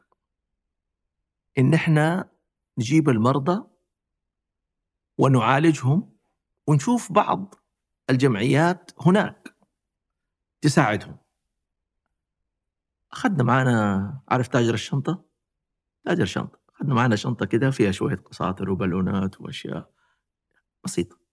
ورحنا الويكند هذاك سوينا كده ستة ثمانية مرضى.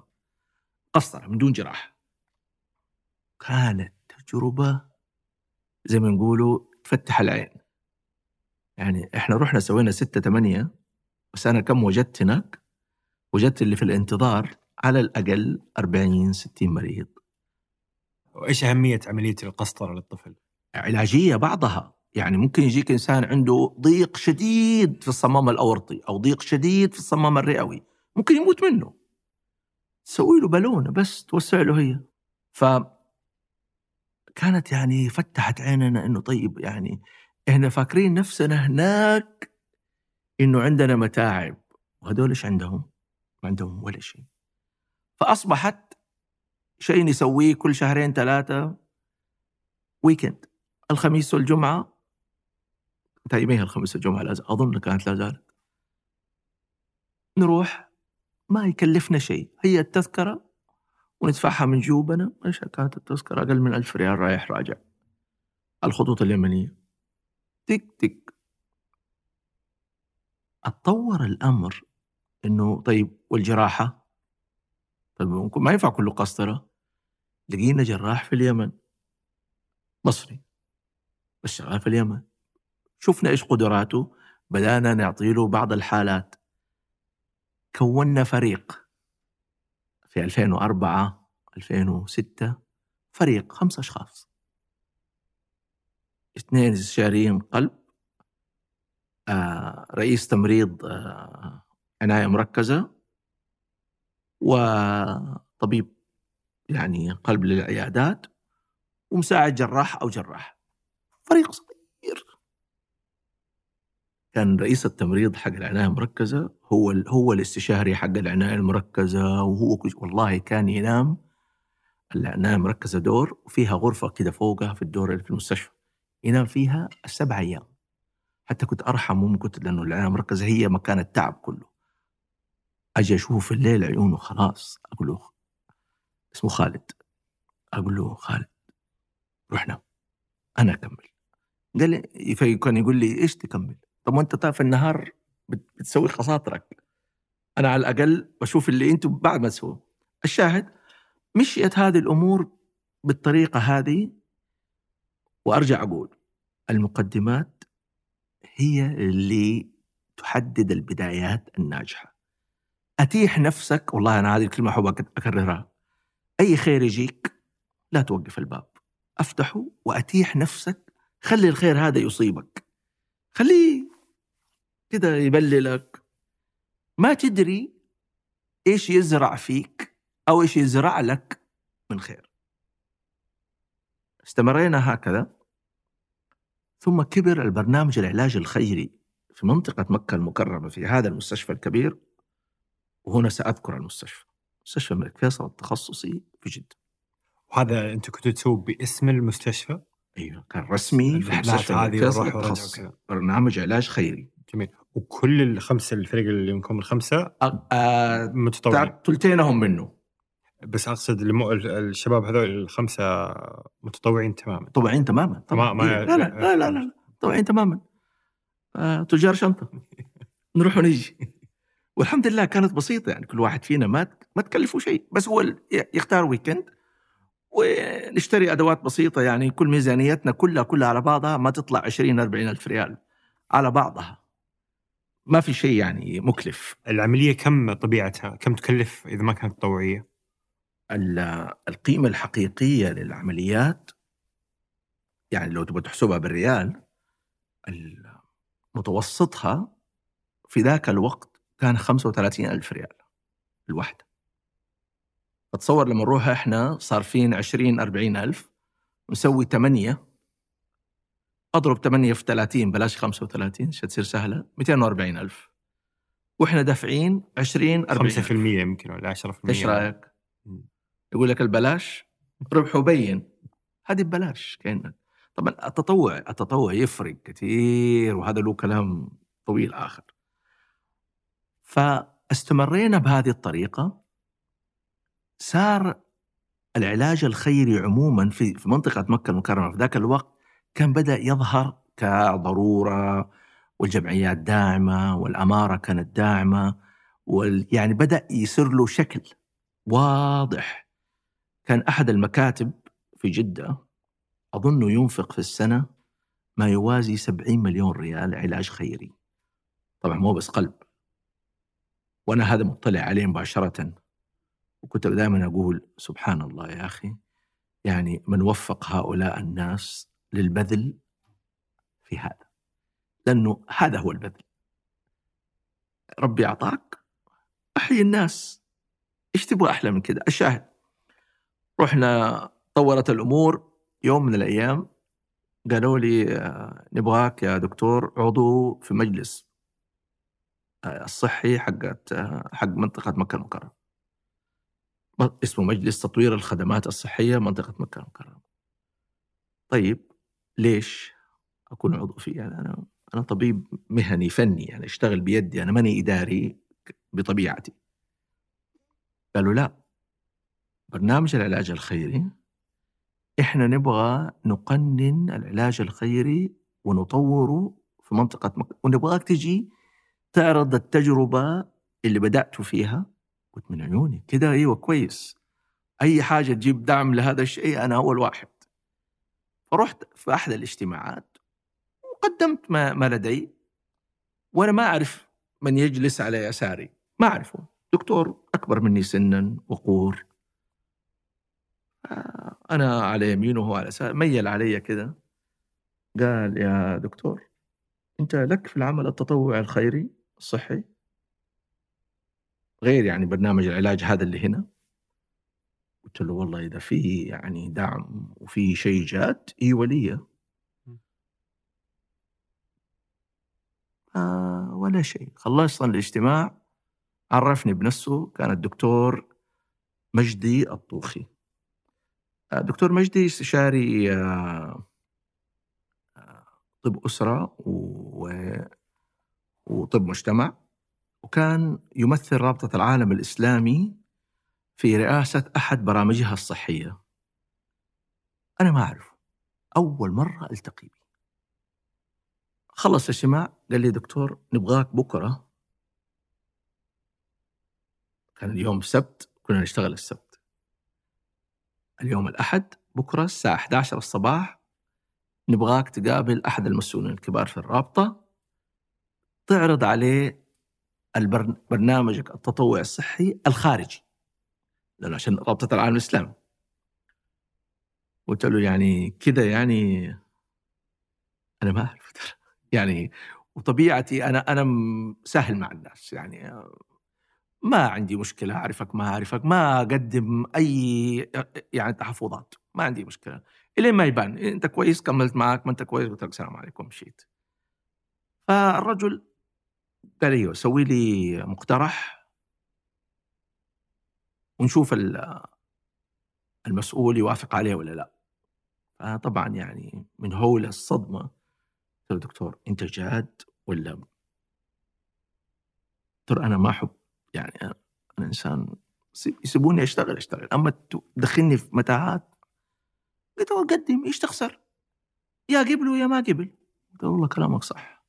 رحت جلست عليها في الليل. كم ميزانيتنا كانت؟ قلت لك؟ 20 40 20 40 سويت بروبوزل اقترح بثلاثة أو أربع حملات في السنة. الحملة لمدة أسبوع كامل مش ويكند تكلفة كل حملة 300 إلى 400 ألف ريال. رب ميزانية مليون و200 أو مليون و500 ماني متأكد. أقرب إلى مليون و200 أظنها. هذا الكلام 2008 والله ماني متذكره مضبوط الحين. ورتبتها في مقترح واضح مفصل كيف عدد المرضى الأماكن. ورحت. سميت بالله. قابلت الدكتور مجدي عرفني بالمسؤول.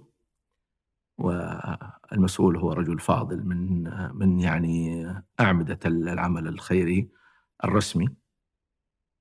الدكتور عدنان باشا. الله يديله الصحة والعافية. قابلته ما يعرفني أبدا. سلمت عليه أنا فلان. تفضل دكتور قدم البروبوزل حقك المقترح. سبع دقائق في خضم التقديم. قال لي وقف. أنا قلت خلاص رفضوا طبعا. اللي مقبول. متى تنفذ؟ طبعا لما قال لي متى تنفذ؟ دحين نتكلم ترى إحنا أمس في الليل كاتبين واليوم جايين الصباح واحد يقول لي متى تنفذ؟ قلت له أعطيني وقت. آه، الواحد زي ما قلت لك أفتح أبوابك خلي الخير يجيك أقبل المقدمات إن واجهتك صدمة لا تأخذ أي قرار سلبي. إيجابي. قلت له أديني وقت. ويعلم الله لما قلت له أديني وقت أنا ماني عارف كيف حنفذ حملة قيمتها 400 ألف ريال؟ أنا معتاد على 20 40 ألف.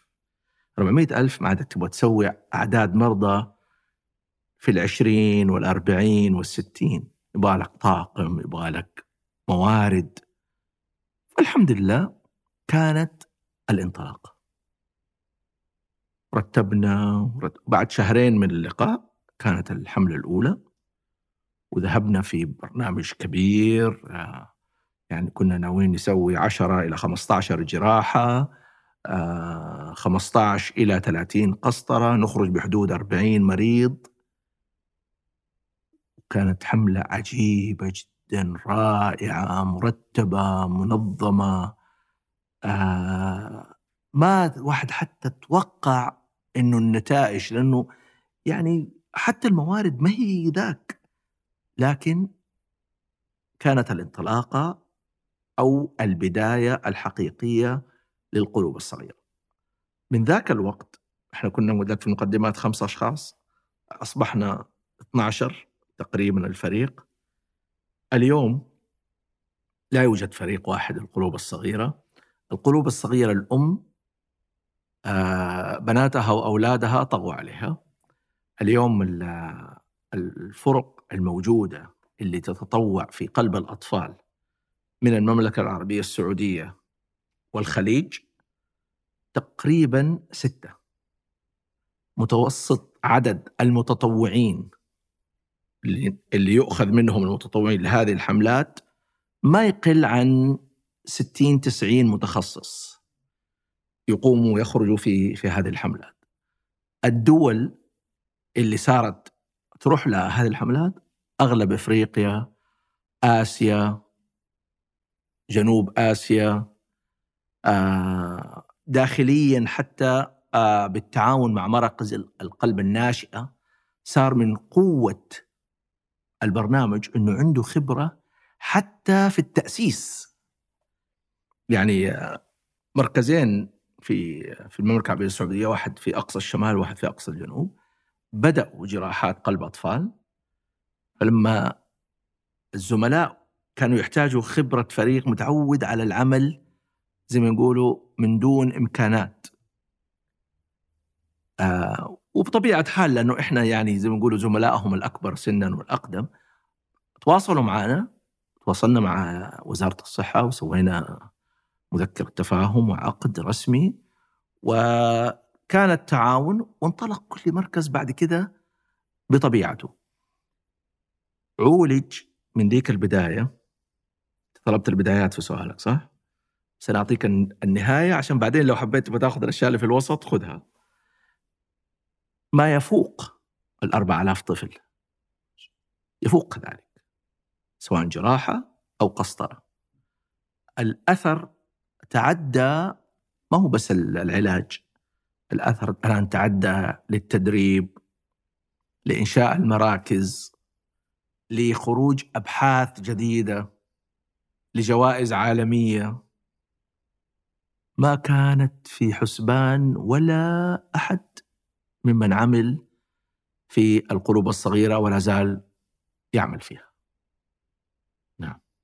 المتخصصين يعني دائما أحس في العمل الخيري فما حد يأخذ فلوس ابدا؟ أبدا. إحنا ابدا. جراح يعني يمدي إحنا يسوي عندنا عمليه يجي الشخص الله يحفظه آه، مكرم معزز إحنا نقطع له تذكرته. الفيزا في إذا في فيزا تأشيرة آه، ندفع له هي نسكنه في الفندق نعمل له المواصلات يسوي شغله الله يحفظه نرجع بيته. وهذه العملية الجراح ممكن ياخذ عليها تقريبا كم؟ كثير. كثير.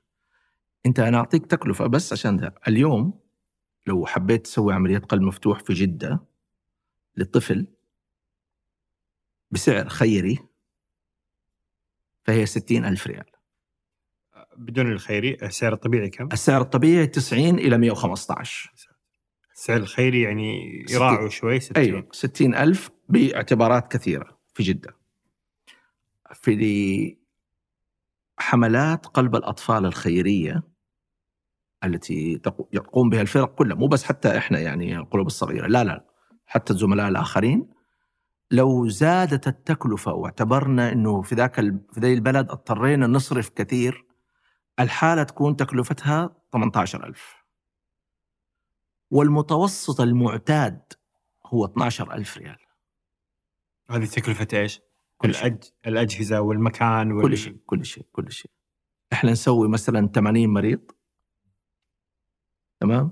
اضربها في 12 بكم؟ آه، 100 تقريبا 100 و... حوالي 900 ألف ريال. أيوه.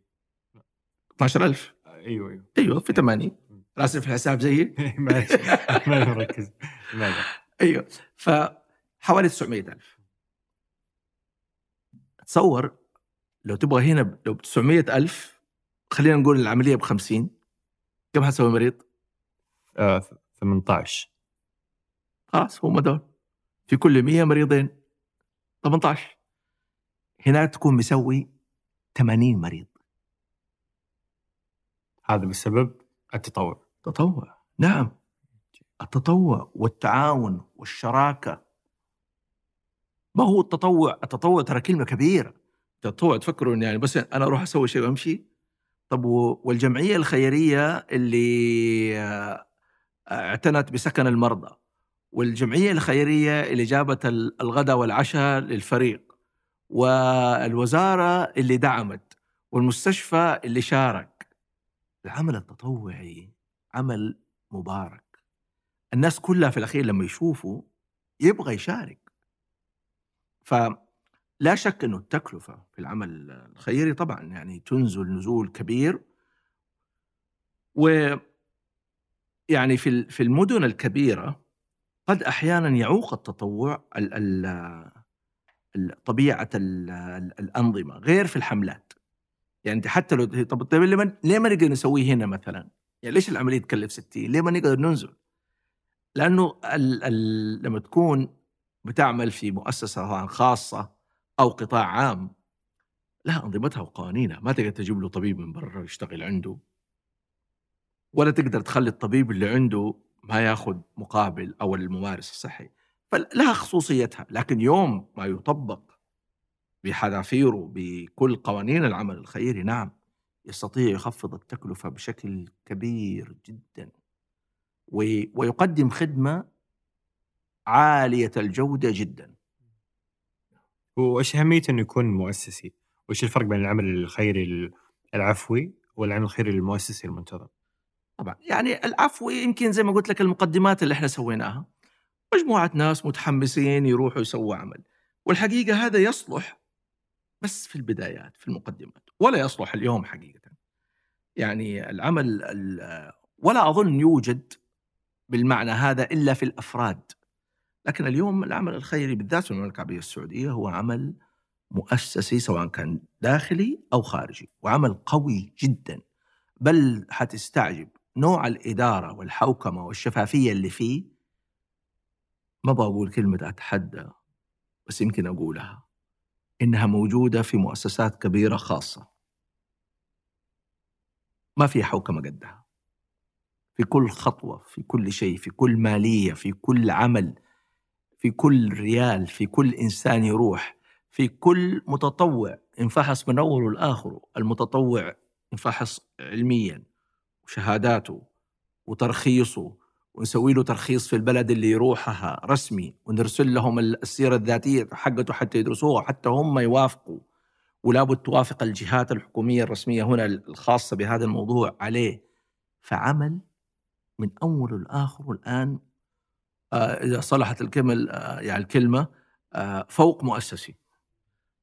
مؤسسي جدا. ولأنه في الحساسية في العمل الخيري إنه في في فلوس ناس طبعاً، آه، هذا طبعاً. هذه وين تروح. طبعا في فلوس ولا وانت إذا كمان خرجت من بلد مسلم معلش في هذه الكلمة وحتروح بلد فيه غير مسلمين أو فيه أشياء مختلطة حتبدأ ينظر إليك أنت إيش وضعك أنت إيش جاي وطبعا ال- الآلة الإعلامية ما قصرت خلت المسلمين أنت رايح إرهابي أنت رايح تسوي شيء بدل ما عندك فلوس معناته أنت رايح ما أدري إيش تسوي تدعم مدري مين فكان من البدايات الحمد لله إحنا تلافينا هذا. يعني أذكر من يوم ما كنا حرصنا إحنا نرتبط بجهة رسمية.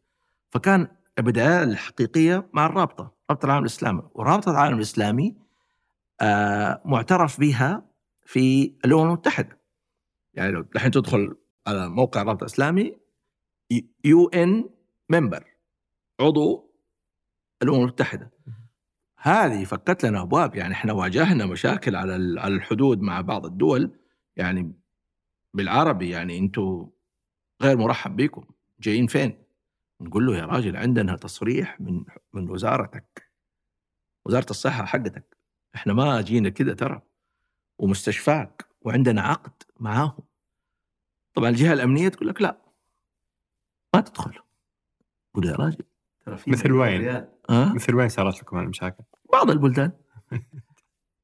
تقول له ترى ال- في مليون ريال صرفت اشترت الأدوات. وترى هي المرضاك أهل بلدك. إحنا ما إحنا جايين نحطها في جيبنا. لا. أذكر في بعض الحملات قلت أنا رئيس الحملة إحنا نتناوب رئاسه الحملات كل هذا فترة يكون واحد. فما كان مخرجي مع الأخ هذا اللي قاعد خلاص مقفل متربس إلا معلش أنا أعتذر منك أنت ما تقدر تمنعني. كيف ما أقدر أمنعك؟ قلت له إحنا UN members تبغى تمنعنا؟ الله يعينك تجيب لي خطاب من وزارة الخارجية حقتك. ان أنا ممنوع. أما دولتك موقعة على ميثاق الأمم المتحدة وإحنا member وعلى نفس الميثاق. ما عندك فرصة يا تدخلنا يا تجيب خطاب. فكانت نقطة قوية جدا. طبعا الآن مع وجود مركز الملك سلمان للأعمال الإنسانية والإغاثة الأمور أسهل. لأنه إحنا الآن ما عاد نعتني بهذه الأمور الأمنية وال... والإدارية كنا نسوي هذه كلها بنفسنا. نخاطب ونروح ونيجي و... ونسوي لهم استبيانات وأشياء يعني كان عندي واحد مكتبي في واحدة من المستشفيات الزملاء يدخلوا يقولوا إيش الكراتين هذه يا دكتور؟ كل مريض عالجناه عندي ملفه فواتيره ما صرف عليه ولا تقول أرشيف وزارة المالية كان يقول الزملاء ليه طيب؟ لا ما في ليه حيجيك يوم واحد يقول لك انت رحت سويت مدري فين البلد الفلانية وسويتوا شيء غير نظامي. صرفتوا المبلغ ده وفين راح؟ ما في مشكلة من حقك تسألنا. تفضل تبغى تقرأ الكراتين دي؟ خد. أي الدولة الله يخليك؟ فلانية هذه كراتينها جلست عندي فترة يعني حتى بعد ما خلاص يعني العمل صار جدا منظم. وإحنا خرجنا من الأمور المالية والإدارية كيف خرجتوا الآن؟ أنتم تبع إيه خرجنا الآن خلاص. يعني إحنا الآن نعتني بالأمر الفني فقط. كيف؟ لأنكم صرتوا تبع مركز الملك سلمان؟ إيوه طبعا. بعد ما صارت المظلة أكبر وشملت الناس كلها وبالذات كمان يعني بعد ما مركز الملك سلمان فتح الآن للجمعيات الخيرية الداخلية اللي يحب يعمل عمل خارجي ياخذ تصريح. والمركز يسهل له كل هذه الأمور. الإدارية والقانونية ومخاطبة السفراء والدو أشياء كثير. كنا ترى يعني آه، نفهم إنها مهمة وكنا نسويها بس كانت تتعبنا. يعني تصور أنت ت- يعني تتكلم معاه كجمعية ما ي... يعني ما يطالع لك ب... لكن لما يسمع إنه لا هذه الدولة اللي بتكلمك الرد يختلف. يعني أذكر في واحدة من المرات أحد المسؤولين في بلد اشتكانا على السعودية. هذا غير رسمي. بس هو ما أدري يعني أخذ الموضوع شوية يعني يمكن شخصي شوية. يعني ما اعطينا له البرستيج حقه يمكن يمكن. هذه غلطتنا إحنا في العمل الخيري والله صعب يعني أحيانا صعب إنك تعتني بكل شيء. إحنا ما إحنا دبلوماسيين ولا شيء ترى أطباء في النهاية. فيبدو إن إحنا يعني ما كنا اتيكيت مضبوط. فزعل أرسل عن طريق وزارة الخارجية. أوف. تمثيل رسمي يعني للدولة كان. إحنا ما أنا ما نعرف إنه هذا حصل. أنا ما عرفت إلا لما إيش كانت إيش كان إيش كان منصبه؟ كان منصب ما بقول لنا حتدخل بعدين في أشياء يعني طيب. خلينا في بشكل عام. طيبين كذا فوصل الأمر لوزارة الخارجية السعودية. وزارة الخارجية نزل لمجلس الوزراء. لأنه من دولة لدولة. نزل لنا في الأخير طبعا أنا تبع وزارة التعليم. أنا أستاذ في كلية الطب جامعة الملك عبد العزيز. وأنا رئيس الفريق. فراح لف كل التحقيقات إلين جاء سلموه لمعالي وزير التعليم. معالي معالي وزير التعليم قال طيب من الاسم المذكور؟ قالوا فلان. وكانت عليك شخصية. إي شخصية. حلو. الفلان نزلها لمعالي مدير ال- ال- الجامعة مع الجامعة لعميد كليه الطب رئيس قسمي فجأة الاقي رئيس القسم يقول دكتور تعال شوف الملف هذا خذوه ورد عليه يا الله ليه؟ إيش سوينا؟ ما سوينا ولا شيء شكوى قد كذا كبرها لكن قلت لك دائما خليك إيجابي إيش إيش يعني كان يشتكي من إيش؟ أيوه يعني إنه أنتم تعديتوا ال- البروتوكولات والقوانين و التعامل معاه شخصيا أيوه أيوه ولا يعني في, في عمل ال- والتع... والتعاون بين ال- الدول والبروتوكولات الدبلوماسية. ده ده ده ده ده ترى إحنا والله ما نعرف حتى لو سويناها ترى غشيم فطبعا يعني جاتنا كذا من جهة كانت مرة صراحة مرة والله كانت مرة. يعني أنا مش قريتها قلت يعني أنت ما حصلت إلا العمل هذا تشتكي؟ ترى في احتمال جدا نبطل. لولا إن إحنا أخذين في هذا العمل هذه المطبات. ولا شكورا. هذه مطبات. الطريق لسه ممهد بعدها. عدي المطب. وهذه الروح في العمل التطوعي لابد تكون موجودة، المتطوع اللي ما هو مستعد يمر في مطبات وبعضها يبنشر وبعضها تعوره وبعضها يعنقله، إذا ما هو مستعد ما ما حيقدر. حقيقة أخذناها إيجابي. أنا أخذتها فرصة يقول لك إيش أحسن وسيلة للدفاع؟ الهجوم. أنا رديت رد شديد. تشتكينا؟ أنا اللي حاشتكيك الآن. رديت قلت حقيقة يعني نقدر يعني يعني ما ورد وكذا وإنه لكن إحنا قمنا بالتواصل مع الجهة ثلاث مرات ولم يأتينا رد. كان هذا صحيح وعندي المراسلات. رفقتها. وبعدين إحنا جايين نمثل بلد ما إحنا جايين أفراد إحنا جايين رسمي. إحنا قمنا بعمل يشرف الدولتين. تشتكينا؟ فرديت عليه رد إنه يعني كان ينبغي أن ترسل رسالة شكر. ليس طلبا للشكر. أسأل الله سبحانه وتعالى أن لا يحرم أحد الأجر. والله حتى هذا الكلام أنا ما أحب أقوله. لولا إني أحب أقوله عشان أي أحد يبغى يتطوع ويعمل في العمل التطوعي يستفيد منه. وكتبت الخطاب أرسلناه. وكانت فاتحة خير. كيف؟ فاتحة خير قد إيش كبرها مم. راحت. ودرست في الجهات الرسمية. وتم الرد عليهم إنه ما كان في خطأ يعني يستحق كل هذا. وسووا تعديل في النظام أو في الإجازات اللي نسميها الإجازات ال- ال- الاغاثيه كان واحدة من الإشكالات عندنا إنه إحنا عندنا فريق من وزارة الصحة من القطاع الخاص من الجامعات من القطاع العسكري كلهم أطباء قلب. كل واحد له طريقته في إعطاء الإجازات الإغاثية. في جهات ما تعطي في جهات تعطي. فكان بعض الزملاء يجي على. على إجازته الشخصية. وكان هذا متعب لأنه تصور إجازتك 45 يوم وتبغى تطلع ثلاث مرات في السنة ثلاث أسابيع تبقى لك لأولادك ثلاث أسابيع. طبعا مراعاة هذا الجانب مهم ولا المتطوع في الأخير يقول لك شكرا. سبحان الله ما كان من هنا يعني وهذا من توفيق الله سبحانه وتعالى لهذه البلاد. إلا الحكومة قالت لنا دقيقة واحدة. أنتوا واحدة من المشاكل اللي صارت لكم إنه زي كذا إنه بعضكم كان إجازاته. المهم منحوا الجميع إجازة اغاثيه بما فينا العسكريين. الله! ومين حطه يا آه، مشرف على تنفيذ هذا؟ واحد من اعضاء الفريق. الزملاء يقولوا كيف حصل ده؟ قلت له عشان عشان تؤمنوا إنه ما حيصيبك شر. أنت بتسوي شر؟ لا. إن شاء الله إنه خير وإن شاء الله إنك يعني تطلب وجه الله عز وجل به. ما حيصيبك شر وإن بدا شر. أتقلبت الأمور وصارت أحسن. صرنا لما ننسق بعد كده أحسن.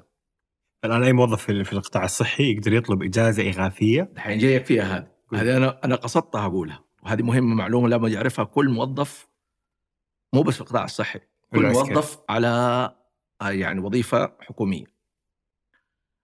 في في النظام السعودي وهذا من من يعني من تقدم النظام في المملكه العربية السعودية في الإجازات للموظفين يسبق كثير من الدول. في نظام واضح. تبغى أقول لك المادة رقم كم ولا؟ قل لي. لما واجهنا هذه المشكلة عميد كليتي طبعا بعد الشكاوي وهذه اللي حصلت ناداني. وهو زميل.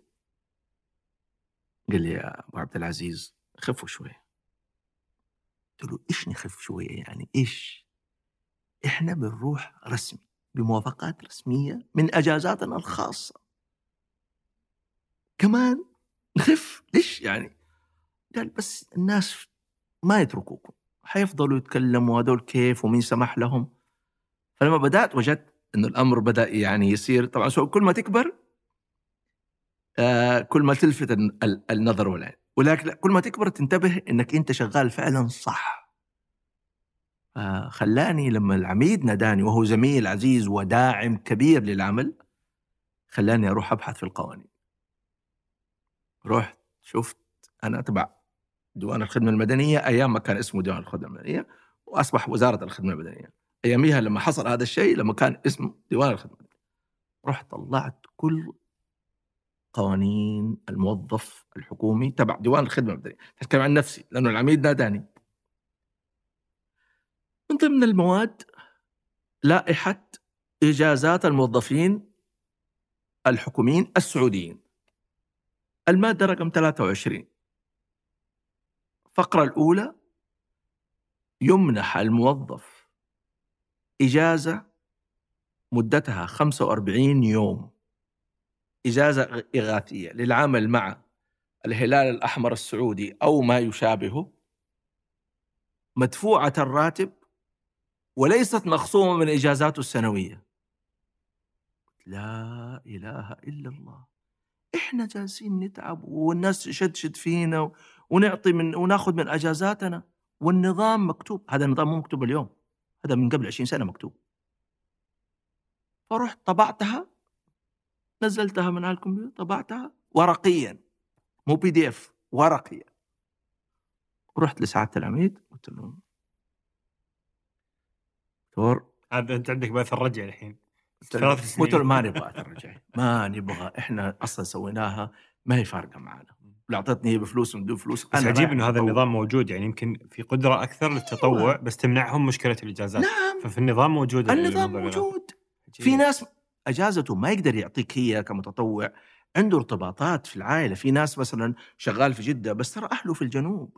لابد يروح يشوف أبوه وأمه مو بس يمشي أولاده. ترى الأجازة ما هي كلها معناها تمشيه في أجازات تقضي فيها عمل لأهلك لعائلتك. فبعض المتطوعين يستطيع يخدم لكن ما يقدر يروح. الله يرضى عليه العميد. الله يرضى عليه ويجزيه عنا كل خير. والله ما تردد أول ما شافها. قال لي روح ولا توقف. وهذا يعني هذا ال- الآن أي موظف في الحكومة؟ الحين في جامعة الملك عبد العزيز في ذيك الأيام نزل لنا إحنا عندنا نظام ندخل عليه الإجازات كان أنواع الإجازات متنوعة اعتيادية طارئة. الحين تفتح تلاقي إغاثية. يا سلام. تضغط عليها تحط المسوغ الدعوة اللي جاتك ال- التصريح حقك هذا تترفع؟ تجيك الإجازة. عجيب. لا إله إلا الله. رب ضارة نافعة. كانت بشكوى الرجل. وكان يعني فتح كبير لنا. الحمد لله اليوم حتى ما تحتاج تدخلها إجازة إغاثية. اليوم مركز الملك سلمان إذا كنت حتخرج برا السعودية يرسل لك خطاب لمقر عملك قبل الحملة بشهرين ويخاطب أعلى جهة في مقر عملك لأنه من معالي المعالي. وتنزل عندك إذا في رحله إغاثية مثلا إلى. وفلان مرشح فيها. وطبعا يعني حقيقة هنا لابد أقول كلمة كلمة حق. المسؤولين خيرهم كبير. ترى لما يرسل الطلب مو يرسل إنه يعني خلاص هذه أجازة فرغوا. لا لا يرسل طلب. ما وجدت أحد يرفض هذا الطلب أصلا. مع إنه يمدي يرفض. ابدا. ما يترتب عليه أي شيء. لا لأنه هو يت- هو يترتب عليه ترتيب عمل. فإحنا أصلا إيش بنسوي؟ أقصد لو شخص لا يرغب في التطوع. لأنه يعني من الشخص. مركز الملك سلمان. الشخص؟ نعم. يعني لو جاك طلب وانت ما تبغى يمدي لا لا لا هو ما يجيك الطلب إلا إلا في تنسيق سابق معاك. آه، okay.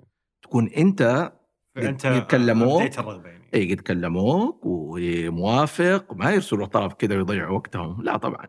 ف مثلا عميدك رئيس قسمك مدير جامعتك آه، مدير مستشفاك أصلا يوصل لك الخطاب آه، سعادة مثلا رئيس قسم لتنفيذ والموافقة.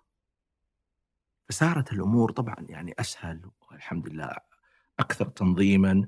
المتطوع اليوم يقدر خارج المملكة عن طريق مركز مركز الملك سلمان. المتطوع اليوم عنده ثلاثة منصات يقدر يسجل فيها. منصة وزارة العمل والموارد البشرية تطوع.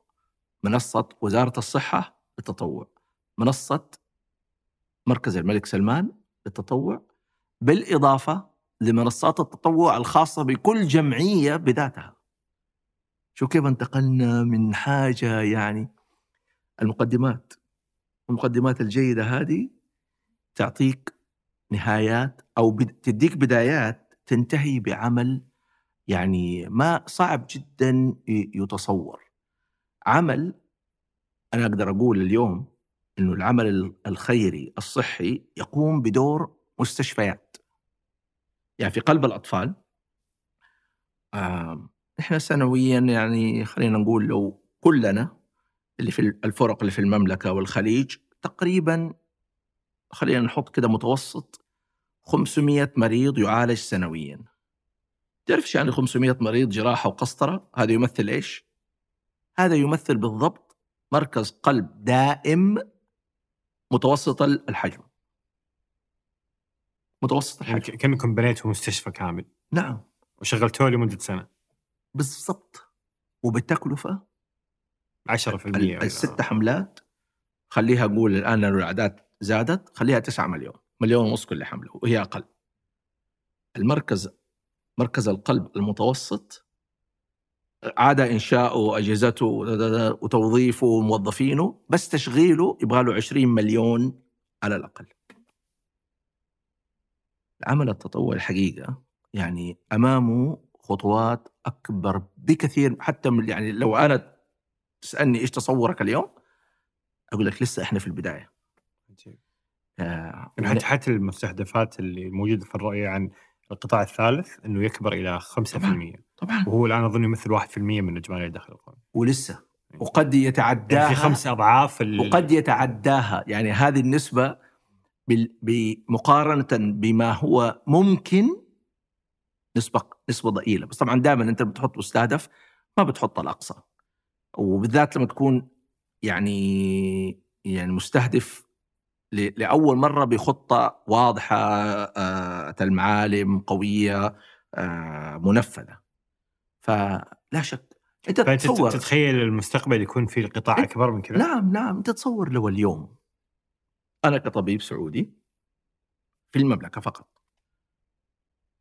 نظام التطوع أتطور إلى درجة إني أستطيع يكون لي علاقات مع مستشفيات في المملكة مع أكثر من مستشفى في أكثر من وقت وعندي حرية أكثر في الانتقال وفي التدريب وفي العمل. كم ممكن يكون التطوع ترى لماذا يتطوع الطبيب؟ إذا هو عنده شغل وعنده مسؤوليات وعنده فلوس وعنده يروح آه. يداوم أكثر تطوع. أيوه عشان غاوي تعب غاوي آه، مشاكل. لا أنا أقول لك لماذا وما حقولها بكلمتي عشان لا تأخذ كلمتي أنا. آه الاستشاري اللي علمني قسطرة قلب الأطفال في كندا مونتريال اسمه مارك باكيت. هو فرنسي Québécois. من كوبيك آه كندي الجنسية آه مارك اشتغلت معاه ثلاثة سنين ونص كاستشاري قلب واستشاري قسطرة. الرجل هذا آه ذيك الأيام يعني هذا الكلام عام بدأنا أشت... بدأت أشتغل معاه عام 94 ميلادي وتركته عام 97 في 94 ميلادي والله أعلم من متى هو بدأ كان عنده عيادات شبه تطوعية بس يدفعوا له التذكرة وال... والأكل والشرب. يعني هي تطوعية. في منطقة يسموها الحدود الشمالية الغربية الكندية. هذه يعني شوية بعدك البحر القطب المتجمد. فطبعا هذه كلها أغلبها قرى صغيرة. ولكن فيها نظام صحي واضح. مرضى القلب مو ضروري ينتقل إلا للشيء الكبير. فيبعثوا فكان مسوي عيادتين شهرية تطوعية من عام 94 لا أعلم أنه تركها إلا يمكن قبل ثلاث سنين أو أو أربعة. يمكن بس مع مع كورونا تركها. فهو طبعا ما أدري متى بدأها. لكن أعرف إنه من عام 94 إلى أقول 2020 خليها كده بس عشان 4 14 كم؟ 26 سنة. 26 سنة. ما تركها. لما بدأنا عملنا التطوعي تذكرته. فدعيته في واحدة من الحملات. وميزة الحملات لما تكون يعني متعددة الجنسيات متعددة الأطراف ترى تصبح شيء رائع. دعيت مارك باكيت قلت له تيجي اليمن قال لي أكلمك. فكانت مكالمة تلفونية فأنا بتكلم معاه زوجته أنا أعرف زوجته من يوم التدريب أخذت التلفون. قالت لي أنت تبغى تودي زوجي في داهية؟ تبغى تخلي زوجي يموت؟ توديه في اليمن؟ لا اليمن ما هي آمنة. لا. فقلت لها أنا حروح. والأمان اللي أنا حاخده مارك حياخده. يعني بال... كأنها بالعربي حق في رقبتك ترى. قلت لها ما يهمك في رقبتي مارك. فوافق وجاء. أول حملة كان عندنا 400 مريض انتظار للكشف. عيادات تصور. تدخل المستشفى السيب مرضى مرضى مرضى مرضى. عندنا ثلاثة فرق فريق بس للعيادات فريق للقسطرة وفريق للجراحة. فمارك أشتغل معانا. أياميها كان في استشاري قلب آه مش باطنة كبار آه تخصص أمعاء في نفس المستشفى عراقي كنا جالسين في عشاء في أحدى من ليالي طبعا إحنا نعتني بالمتطوع ترى. في الليل لازم نعشيه كويس. والله بجد. ترى التطوع مو معناها بهدلة. لا المتطوع معاك تعتنيه مظبوط وتريحه مظبوط ياكل ويشرب وتدي له شريحة آه، جوال وموبا ونت عشان هو كمان عنده أولاد يبغى يتواصل ما هو على حسابه هو جاي بعمله.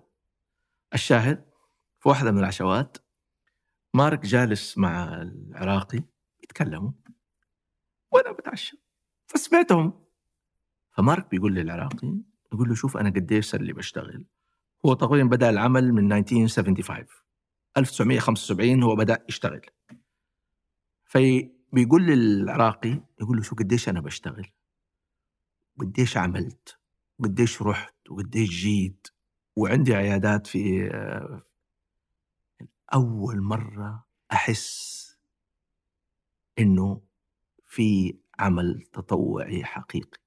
أول مرة أفهم إيش هو العمل التطوعي وأثره؟ وبيقول له متأثر جدا أنا أنا ما أبغى أدخل في الموضوع لأنه علاقتي بمارك يعني علاقة قوية يعني أنا طالبه وصرنا أصدقاء إلى إلى الآن. ف ما أبغى أدخل بس أبغى آخذ زي ما نقول زبدة الكلام. فبيقول له أنا أول مرة أعرف إيش معنى العمل التطوعي.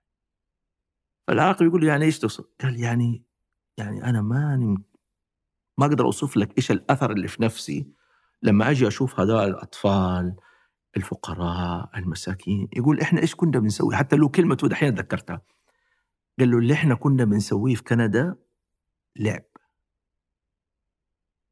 أنا صراحة استغربتها جدا بس ما دخل ما تدخلت. لكن أبغى أقول للمارك إذا أنت تقول اللي أنت بتسويه في كندا لعب إحنا إيش نقول؟ وأنت عندك عياداتك ال- التطوعية. هو لهذا السبب يتطوع المتطوع. وما عمره جاء متطوع جديد. في على الاقل عندنا في قلب الأطفال. إلا وفي نهاية الحملة يقول إحنا فين عن هذا من زمان؟ ال- ال- المكافأة النفسية والروحية للمتطوع عالية جدا. يعني تتصور آه ترى مو بس المكافأة اللي هي يعني إنك أحييت الروح. لا حتى النتائج عجيبة. يعني في العمل التطوعي ترى ما هو أنت تشوف طفل لو يمكن جاء هنا في مركز قلب متقدم يمكن يقولوا لا الحالة متأخرة و- وبلاش تحاولوا لأنه النتائج في مثل هذه الحالات سيئة فاتركوه لقدره هناك ما في اسمه اتركوه لقدره لأنه كل الحالات زي كده. ما في تنقي. فتشوف إنك بتسوي له شيء تتوقع إنه غالبا ما حينجو وينجو ويعيش. تلمس بركة العمل. تلمس إيش معنى إنه هذا عمل مو مدفوع على الأجر في أجر تاني في في حاجة تانية.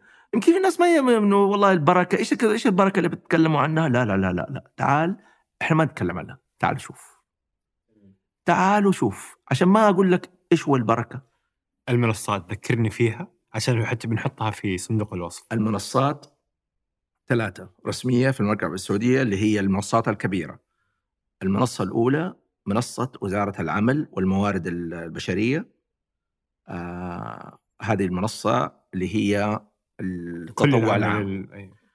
منصة وزارة الصحة للتطوع الصحي. منصة مركز الملك سلمان للتطوع الصحي الخارجي. هذه الثلاثة المنصات بالإضافة أنه دحين أغلب الجمعيات الكبيرة لها منصاتها التطوعية. تقدر الآن مثلا مثلا جمعية زمزم في منطقة مكة المكرمة. آه تقدر تدخل عندهم منصة كاملة آه تسجل فيها الفرص التطوعية تختارها بموعدها بوقتها حسب تخصصك. و كل أغلب الجمعيات الآن متجهة إلى وهذه المنصات الآن أصبح كمان الجميل فيها أنه صار فيها ارتباط. يعني لما تسجل تقوم الجمعية تسجلك هناك لأنه طبعا التطوع الآن ما صار كذا التطوع له محفزات. أنت الآن موظف تتطوع تأخذ ميزات. ممكن تأخذ زيادة في الراتب 10% ممكن 20% ممكن 30% في ذيك السنة. لحسب إيش بتقدم. الدولة تدعمك لأنه أنت بتوفر. بت- بتأدي شيء كبير جدا. وليس هذا المقصود. أغلب المتطوعين أصلا ما بيطالع في هذه. هو يعني يبغى من نفسه. أذكر يعني في لو تذكر في نقاشنا مرة كذا قبل اللقاء آه كنت ذكرت لي أنت سلبية آه آه الاستغلال. الاستغلال. أيوه. هي في التطوع. فإنه يعني بعض الجهات تشغلك ببلاش. طيب مين قال لك إنه هذا تطوع؟ هذا مو تطوع. هذا شغل غير مدفوع الراتب. هل لما راح الشخص هو قصده التطوع؟ يمكن المؤسسة تعتبره تطوع وذلك كان إجابتي التطوع مو اللي يقولوا لك عليه اللي أنت تبغاه اللي أنت تسويه اللي ينبع من نفسك. عشان يصير تطوع حاتم أنا ما أعرف حاتم إيش يجيد وإيش يحب ومن إيش ممكن يعطي. لكن حاتم يعرف إيش يجيد وإيش يحب وإيش يقدر يعطي. ما حد يقدر يقول لك. اليوم كنت بفكر لو كنت هعرف التطوع أديله كده تعريف. إيش حقول تعريف؟ هل هو عمل تطوعي يعني غير واجب؟ كنت حقول التطوع عمل واجب بس صعب تحط تطوع وتقول واجب متناقضة. فعرفت لنفسي التطوع مسؤولية على كل قادر في مجاله لكل محتاج في ذلك المجال. نقطة أخرست لو تلاحظ هو هذا حديث النبي صلى الله عليه وسلم. يقول النبي صلى الله عليه وسلم من كان عنده فضل ظهر فليعد على من لا ظهر له. ومن كان عنده فضل مال فليعد على من لا مال له. رص وراها كل. إيش فضل ظهر؟ يعني لو أنت عندك سيارة بس عندك وقت ما تستخدمها فيه. وفي ناس محتاجه للمواصلات. طب خليه يستخدمها. عندك سيارتين هذا الظهر اللي هو الركوبة يعني. فضل يعني آه، والفضل. الزيادة. عندك مال زايد أعطي. عندك علم زايد أعطي. عندك آه، فلوس زايدة أعطي. لذلك مهارة ب- بالضبط. والذي تملكه هو ما أنت مكلف بالتطوع فيه. ولا ترى ما قام المجتمع. ترى ما ما يقوم على التطوع هو الأساس. لو أنت أردت حتى لو شركتك الخاصة لو ما الموظف يراعي الله فيك ويتصل من جواله أحيانا ويزود هنا نص ساعة وهذا كان شركتك ما تمشي ترى والمستشفيات والمدارس أنا كنت أحيانا والله كل قبل اللقاء أحيانا كذا أقعد أفكر مع نفسي طب هو يعني أنت ليه بتتكلم عن التطوع وإيش هو التطوع؟ أرجع قد ما أعرف عنه أرجع أسألني فسألت نفسي طيب أنت ليش ليه بتعمل في التطوع؟ ليه؟ قعدت أرجع ل لأشياء كذا وجدت إنه أنا في وقت من الأوقات كنت أروح أيام الثانوي ولك أن تعرف كنت من العشره الأوائل ومع ذلك كنت أروح أحضر دروس التقوية اللي بعد العصر اللي في المدرسة. حتى كان مدير المدرسة لما يشوفني أنا واحد من الزملاء كنا الأوائل. إيش جايبكم هنا؟ استفيد تعلم. هي مو بس مسألة درجة. كنت أشوف الأساتذة هذول كان ما كان ياخذوا ولا ريال. ودوب مخلص الساعة واحدة وقرفان من. أنت عارف التدريس كيف متعب. يجي بعد العصر يقعد ساعتين. عجيب. طيب واحد من من دكاترتي في الجامعة صدمني مرة بكلمة كذا بس أنا من طبيعتي ما أقبل أنصدم صدمتني حسألك وحقعد لك إلين ما أعرف يا انت محق تصدمني يا ما يا تسحبها ما حاسيبك. فبقول له يا دكتور ليه ما ترتاح شوية؟ اسمه الفاضل ربيع. دكتور فاضل ربيع سوداني بروفيسور آه كيمياء حيوية bio- biochemist هذا الرجل يدرسنا طول اليوم نخلص الساعة 3 من 3 ل 5 معامل أحيانا يكون المعمل خلاص إحنا خلصنا الواجب اللي فيه في المعمل السابق فاضي. كنا مجتهدين صراحة. ما نبغى نروح البيت خلاص فاضي نروح البيت أقعد لا. وإحنا طلاب طب. كنا نروح لدكتور فاضل ربيع رحمة الله عليه الله يرحمه. دكتور فاضل. ممكن الساعتين دي تشرح لنا الفصل الفلاني اضافيا؟ والله عمره عمره ما قال لا يشرح. أنا كنت طالب أياميها هذا الكلام في ثالثة طب كنت أرأف بحاله صراحة يعني استغلال كنت أشوفه استغلال إيش هذا؟ فمرة بقول له يا دكتور ليه ما تريح نفسك؟ ليه بتسوي كذا؟ رد علي باللهجة السودانية بس باللغة الإنجليزية قال يا دكتور أنت ما عندك الموتيف اللي عندي.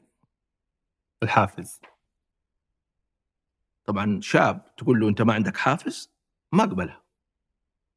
قلت له دكتور لا معلش اسمح لي يا دكتور فاضل على عيني وراسي أنت. إيش الحافز اللي عندك؟ ما هو عندي. أنا شاب. حوافزي أكثر منك. لا. أنا حقعد معاكم فترة معينة وحرجع بلدي. الفرصة الوحيدة إني أقدم وأسوي هي الآن. هو مو ناظر لها إنها واجب وتعب. هو ناظرها أصلا أ- حاجة أكبر فرصة. ولذلك سبحان الله تجده في حياته هذا الدكتور نفسه فاضل ربيع لما كنت أبغى أدور له في مسألة في البايو ما أعرفها فين ألاقيه؟ ألاقيه في المسجد بيصلي الضحى. تطوع. وذلك ترى ديننا كله تطوع أنت في اليوم تصلي كم فرض خمسة. وكم سنة معاها؟ أربعة. قبلها وبعدها وقبلها وركعتين وأربعة. وقد إيش عليها أجر؟ وتبني لك بيت. وليلة قدر تق- تقومها إحنا في رمضان تقوم ليلة واحدة ليلة. ب 83 سنة عبادة والليلة دي قيامها فرض ولا تطوع؟ تطوع عرفت قديش قيمة التطوع؟ عرفت؟ ما له حد في القيمة. أسأل الله سبحانه وتعالى يعني أن يكرمنا جميعا ويعني أنا حقيقة اقولها لنفسي ولكل إنسان يعني أتكلم معه عن التطوع شوف أحسن ما عندك وأقوى ما عندك وأعطي منه. يصبح سهل جدا جدا. اليوم اللي أنت تعطي مما تملك يصبح تطوع عندك هذا حلو واحد يقول لي يا دكتور تعال سوي لي قسطرة. أسهل ما عندي. يمكن لو قال لي تعال أشرح لي درس رياضيات يمكن أعرف. ماني دخل. تعال سوي قسطرة سوي قسطرة. تملكه. سهل جدا إنك تعطي منه. ويعني أنا أستغل المنبر هذا حقك معليش اسمح. لي خذ راحتك اسمع لي حستغله. خذ راحتك. كل إنسان يجب أن يتطوع كل إنسان. تبغى مجتمع ناجح حيوي رائع آه، راقي كل الكلمات الحلوة دي كل إنسان يتطوع أنا أتمنى يعني مرة كنت في لقاء واحد من الزملاء يقول يعني إيش التطوع؟ إيش تتصور الأشياء؟ قلت أنا أبغى مدرس التربية البدنية يتطوع فسألته إيش رأيك؟ مدرس التربية البدنية كيف يتطوع؟ قال يعني يعني تطوع بسيط قلت له مين قال لك تطوع بسيط؟ عشان أنت اللي ناظر له بسيط يعني لازم يكون دكتور ولا جراح ولا صاحب مليارات عشان يكون تطوع ممتاز بالعكس مدرس التربية البدنية ده يقدر يسوي عمل تطوعي كبير يا دكتور معلش اسمح لي هيقول لي طيب كيف؟ قلت له أقول لك دحين إحنا هنا في المملكة العربية السعودية ما عندنا دوري يسموه دوري الحواري حق الكورة صح؟ أليس فيه مشاكل؟ ألا تنتابه بعض ال- الإشكالات؟ سواء كان الأخلاقية أو الممارسات أو كذا ما أقول إنه عشان ما حد ياخذني في الإعلام إني ب...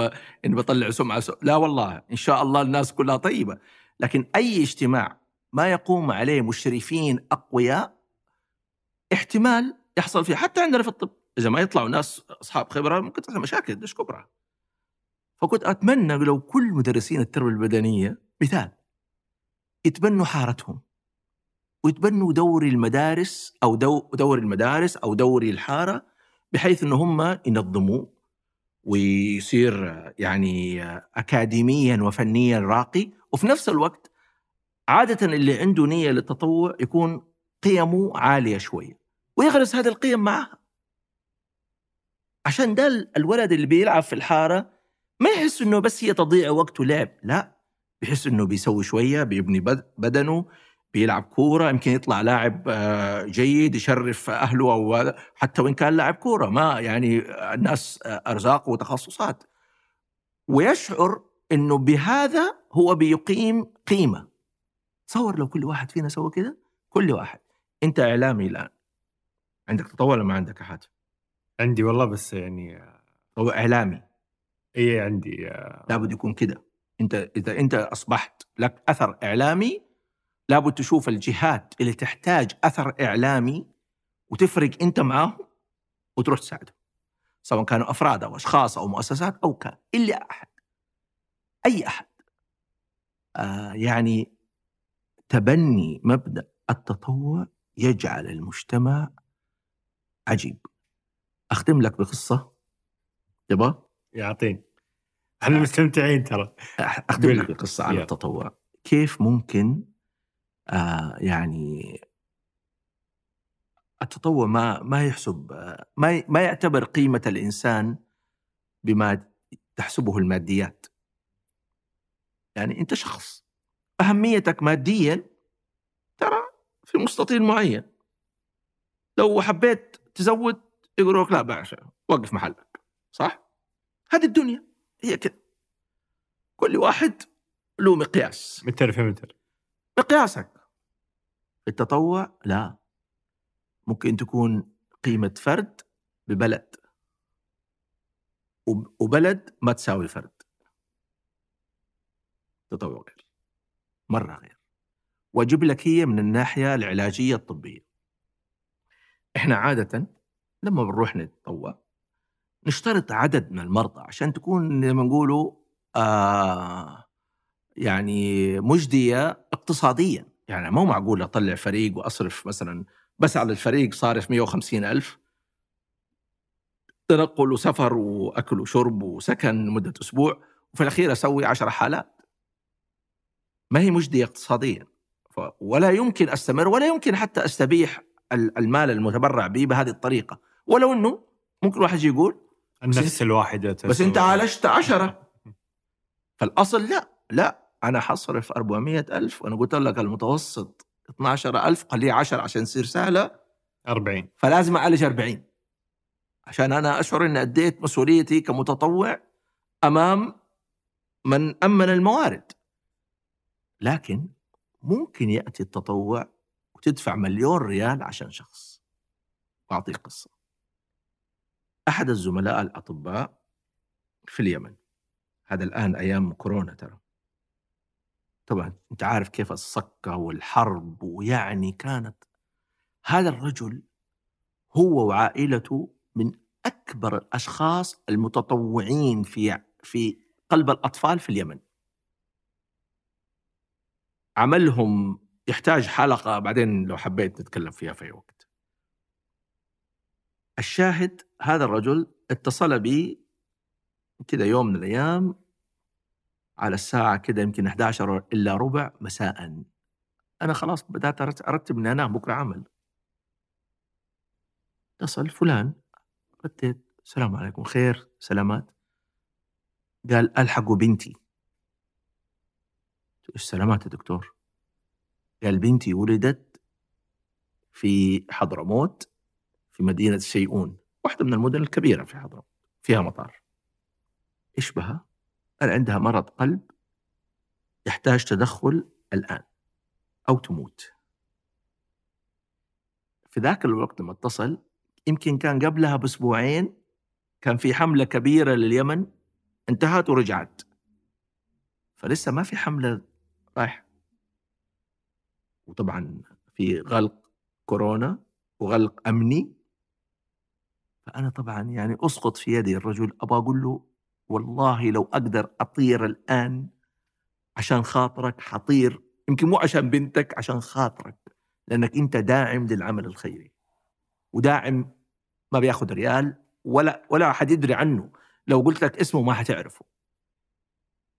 لكن طبعا قلت له طيب حاول تخرج الهند. خذ طيارة من عندهم بعض الطيران كان لسه شغال وعن طريق عمان أو أخرج. قال لي ما في. قلت له في دواء معين اسمه كذا تقدر تجيبه؟ قال في كل اليمن بحثنا عنه ما فيش. أنا قلت خلاص يعني أكيد في غيرها بيموت ما ندري عنه وبنفس المرض بس هذه درينا عنها فقلت له خليني بس كذا أديني ربع ساعة. زي ما قلت لك دائما لما ينفتح لك باب في احتمال خير لا تقفل بسبب الصدمة الأولى ما أقدر. ما ما في شيء اسمه أقدر. ارجع خطوة كده واهدى وقول يا رب. أنا قفلت. ما عندي شيء يعني. ما أمامي إلا مركز الملك سلمان للاغاثه الوحيدين اللي عنده الطائرات العسكرية ويقدر يروح زي ما يبغى والوحيدين اللي عنده الإمكانية. طبعا يعني ما هم شغالين على على مستوى الأفراد. لا، يعني ناس محترفين يشتغلوا بأنظمة. لكن يقد يقدر الله سبحانه وتعالى أن علاقتي بوكيل المعالي قوية. فاتصلت عليه على جواله الخاص. السلام عليكم أبو محمد. خير يا أبو عبد العزيز. قلت له والله عندي طفلة في اليمن تحتاج إنقاذ. ونقدر ننقذها. أبوها طبيب من الداعمين ال- الأساسيين لعملنا كله. اللي من ضمنه العمل حق مركز الملك سلمان تقدروا تطلعوا طيارة بفريق عشان طفلة؟ فكان الرد العجيب اللي ما توقعته في حياتي. اللي أعطيني بس عشر دقائق أتواصل وأرد عليك. أنا رخيت الخط. قال عشر دقائق رد علي قال لي الطيارة جاهزة قلت له محمد أنت بجد؟ قال لي الطيارة جاهزة. فريقك جاهز؟ جاهز. أنا ما في جاهز ولا شيء. اتصل على الزملاء إنهم دبرنا فريق صغير. طبعا كان كان يوم اثنين المفروض نطلع التلوت بس الفريق كان طبعا تدبير سريع. فالفريق يقدر يطلع الربوع. فاتصلت على محمد الله يرضى عليك. معلش. أنت اكرمتنا اكرام بعد الله عز وجل. ما في زيه. بس ممكن ندفها يوم لأن الفريق معها يعني. قال ما عندك مشكلة. أنت قول لي الوقت أنا أرتب لك الطيارة. طلعونا. بطيارة جيت عسكرية. تشيل ثمانية أشخاص طيارين عسكريين. فريقنا الصغير أدواتنا. طبعا سيئون ما فيها مركز قلب المكلا فيها مركز قلب. بينهم أربع ساعات بالسيارة. فرتبنا الأوقات متى نصل وقلنا لأبوها شغل إسعافك الساعة الفلانية تكون عندنا في مركز المكلا مركز نبض الحياة اسمه للقلب توصل نكون إحنا واصلين عشان على معمل القسطرة على طول. وصلوا وصلنا. وشوف كل ده كله آه، عملية قسطرة 20 دقيقة. أكرمنا الله يعني بنجاتها وبحياتها وإن إحنا نرد جزء من الجميل لهذا الطبيب اللي باذل حياته في العمل التطوعي ولكن الأحلى من كده أنه ربنا ما جابنا لهذه الطفلة. لما وصلنا المركز وجدنا خمسة أو ستة أطفال آخرين في المدينة بين الحياة والموت. واستطعنا كلهم من فضل الله سبحانه وتعالى نسوي لهم الإجراءات ونجوا كلهم. بقول لزميلي اللي راح معايا قلت له عشان تعرف وتقفل وأنا معك أعرف وأقفل إنه أنت ما أنت ما بتتحرك بنفسك أنت ربنا يستخدمك كأداة بس هذا حدنا إحنا أداة. بس جعل البنت هذه سبب عشان الخمسة الثانيين اللي أتعب منها. يعني وجدنا خمسة أطفال أتعب منهم والله واحد منهم جدتها. جدة الطفل كان في مستشفى خاص صغير في المكلا. لما جاء سمعت إنه الفريق جاء جاءت الجدة الجدة تكلمني. تقول لي يا دكتور انقله الآن وسوي له. قلت لها يا والدة يا والدة تشخيصه ده ما يعيش.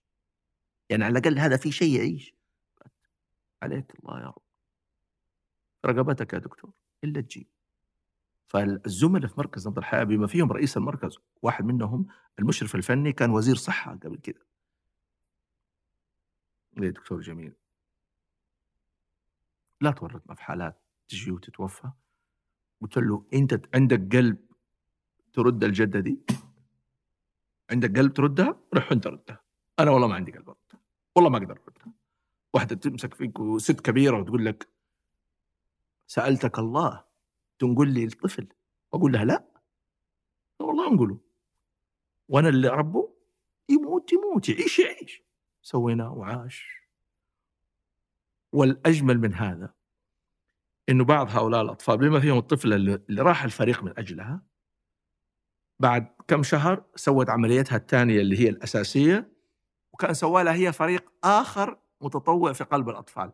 فارسلوا لنا جزاهم الله خير الدكاتره شوفوا المريض ذيك اللي قلتها هي ما شاء الله تبارك الله واليوم هي يعني طفلة تمشي على على رجلها مع مع أبيها.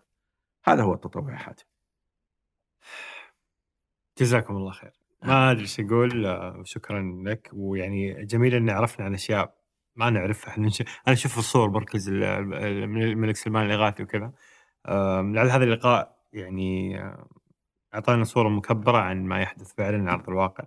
فجزاكم الله خير جميعا. يا رب. يعني أكبر مسؤول إلى أصغر حتى مو دكتور متطوع لو لوجستي الحمد لله الكل شكرا. لك. جزاكم الله خير والله يثيبكم وشرفت ان أكون معكم. شكرا لكم وشكرا لفريق مربع العظيم. عمل على هذه الحلقة عبد الكريم العدواني وأفنان العصراني في الإعداد في التصوير نايف شار في التحرير ريان بكير وجميل عبد الأحد.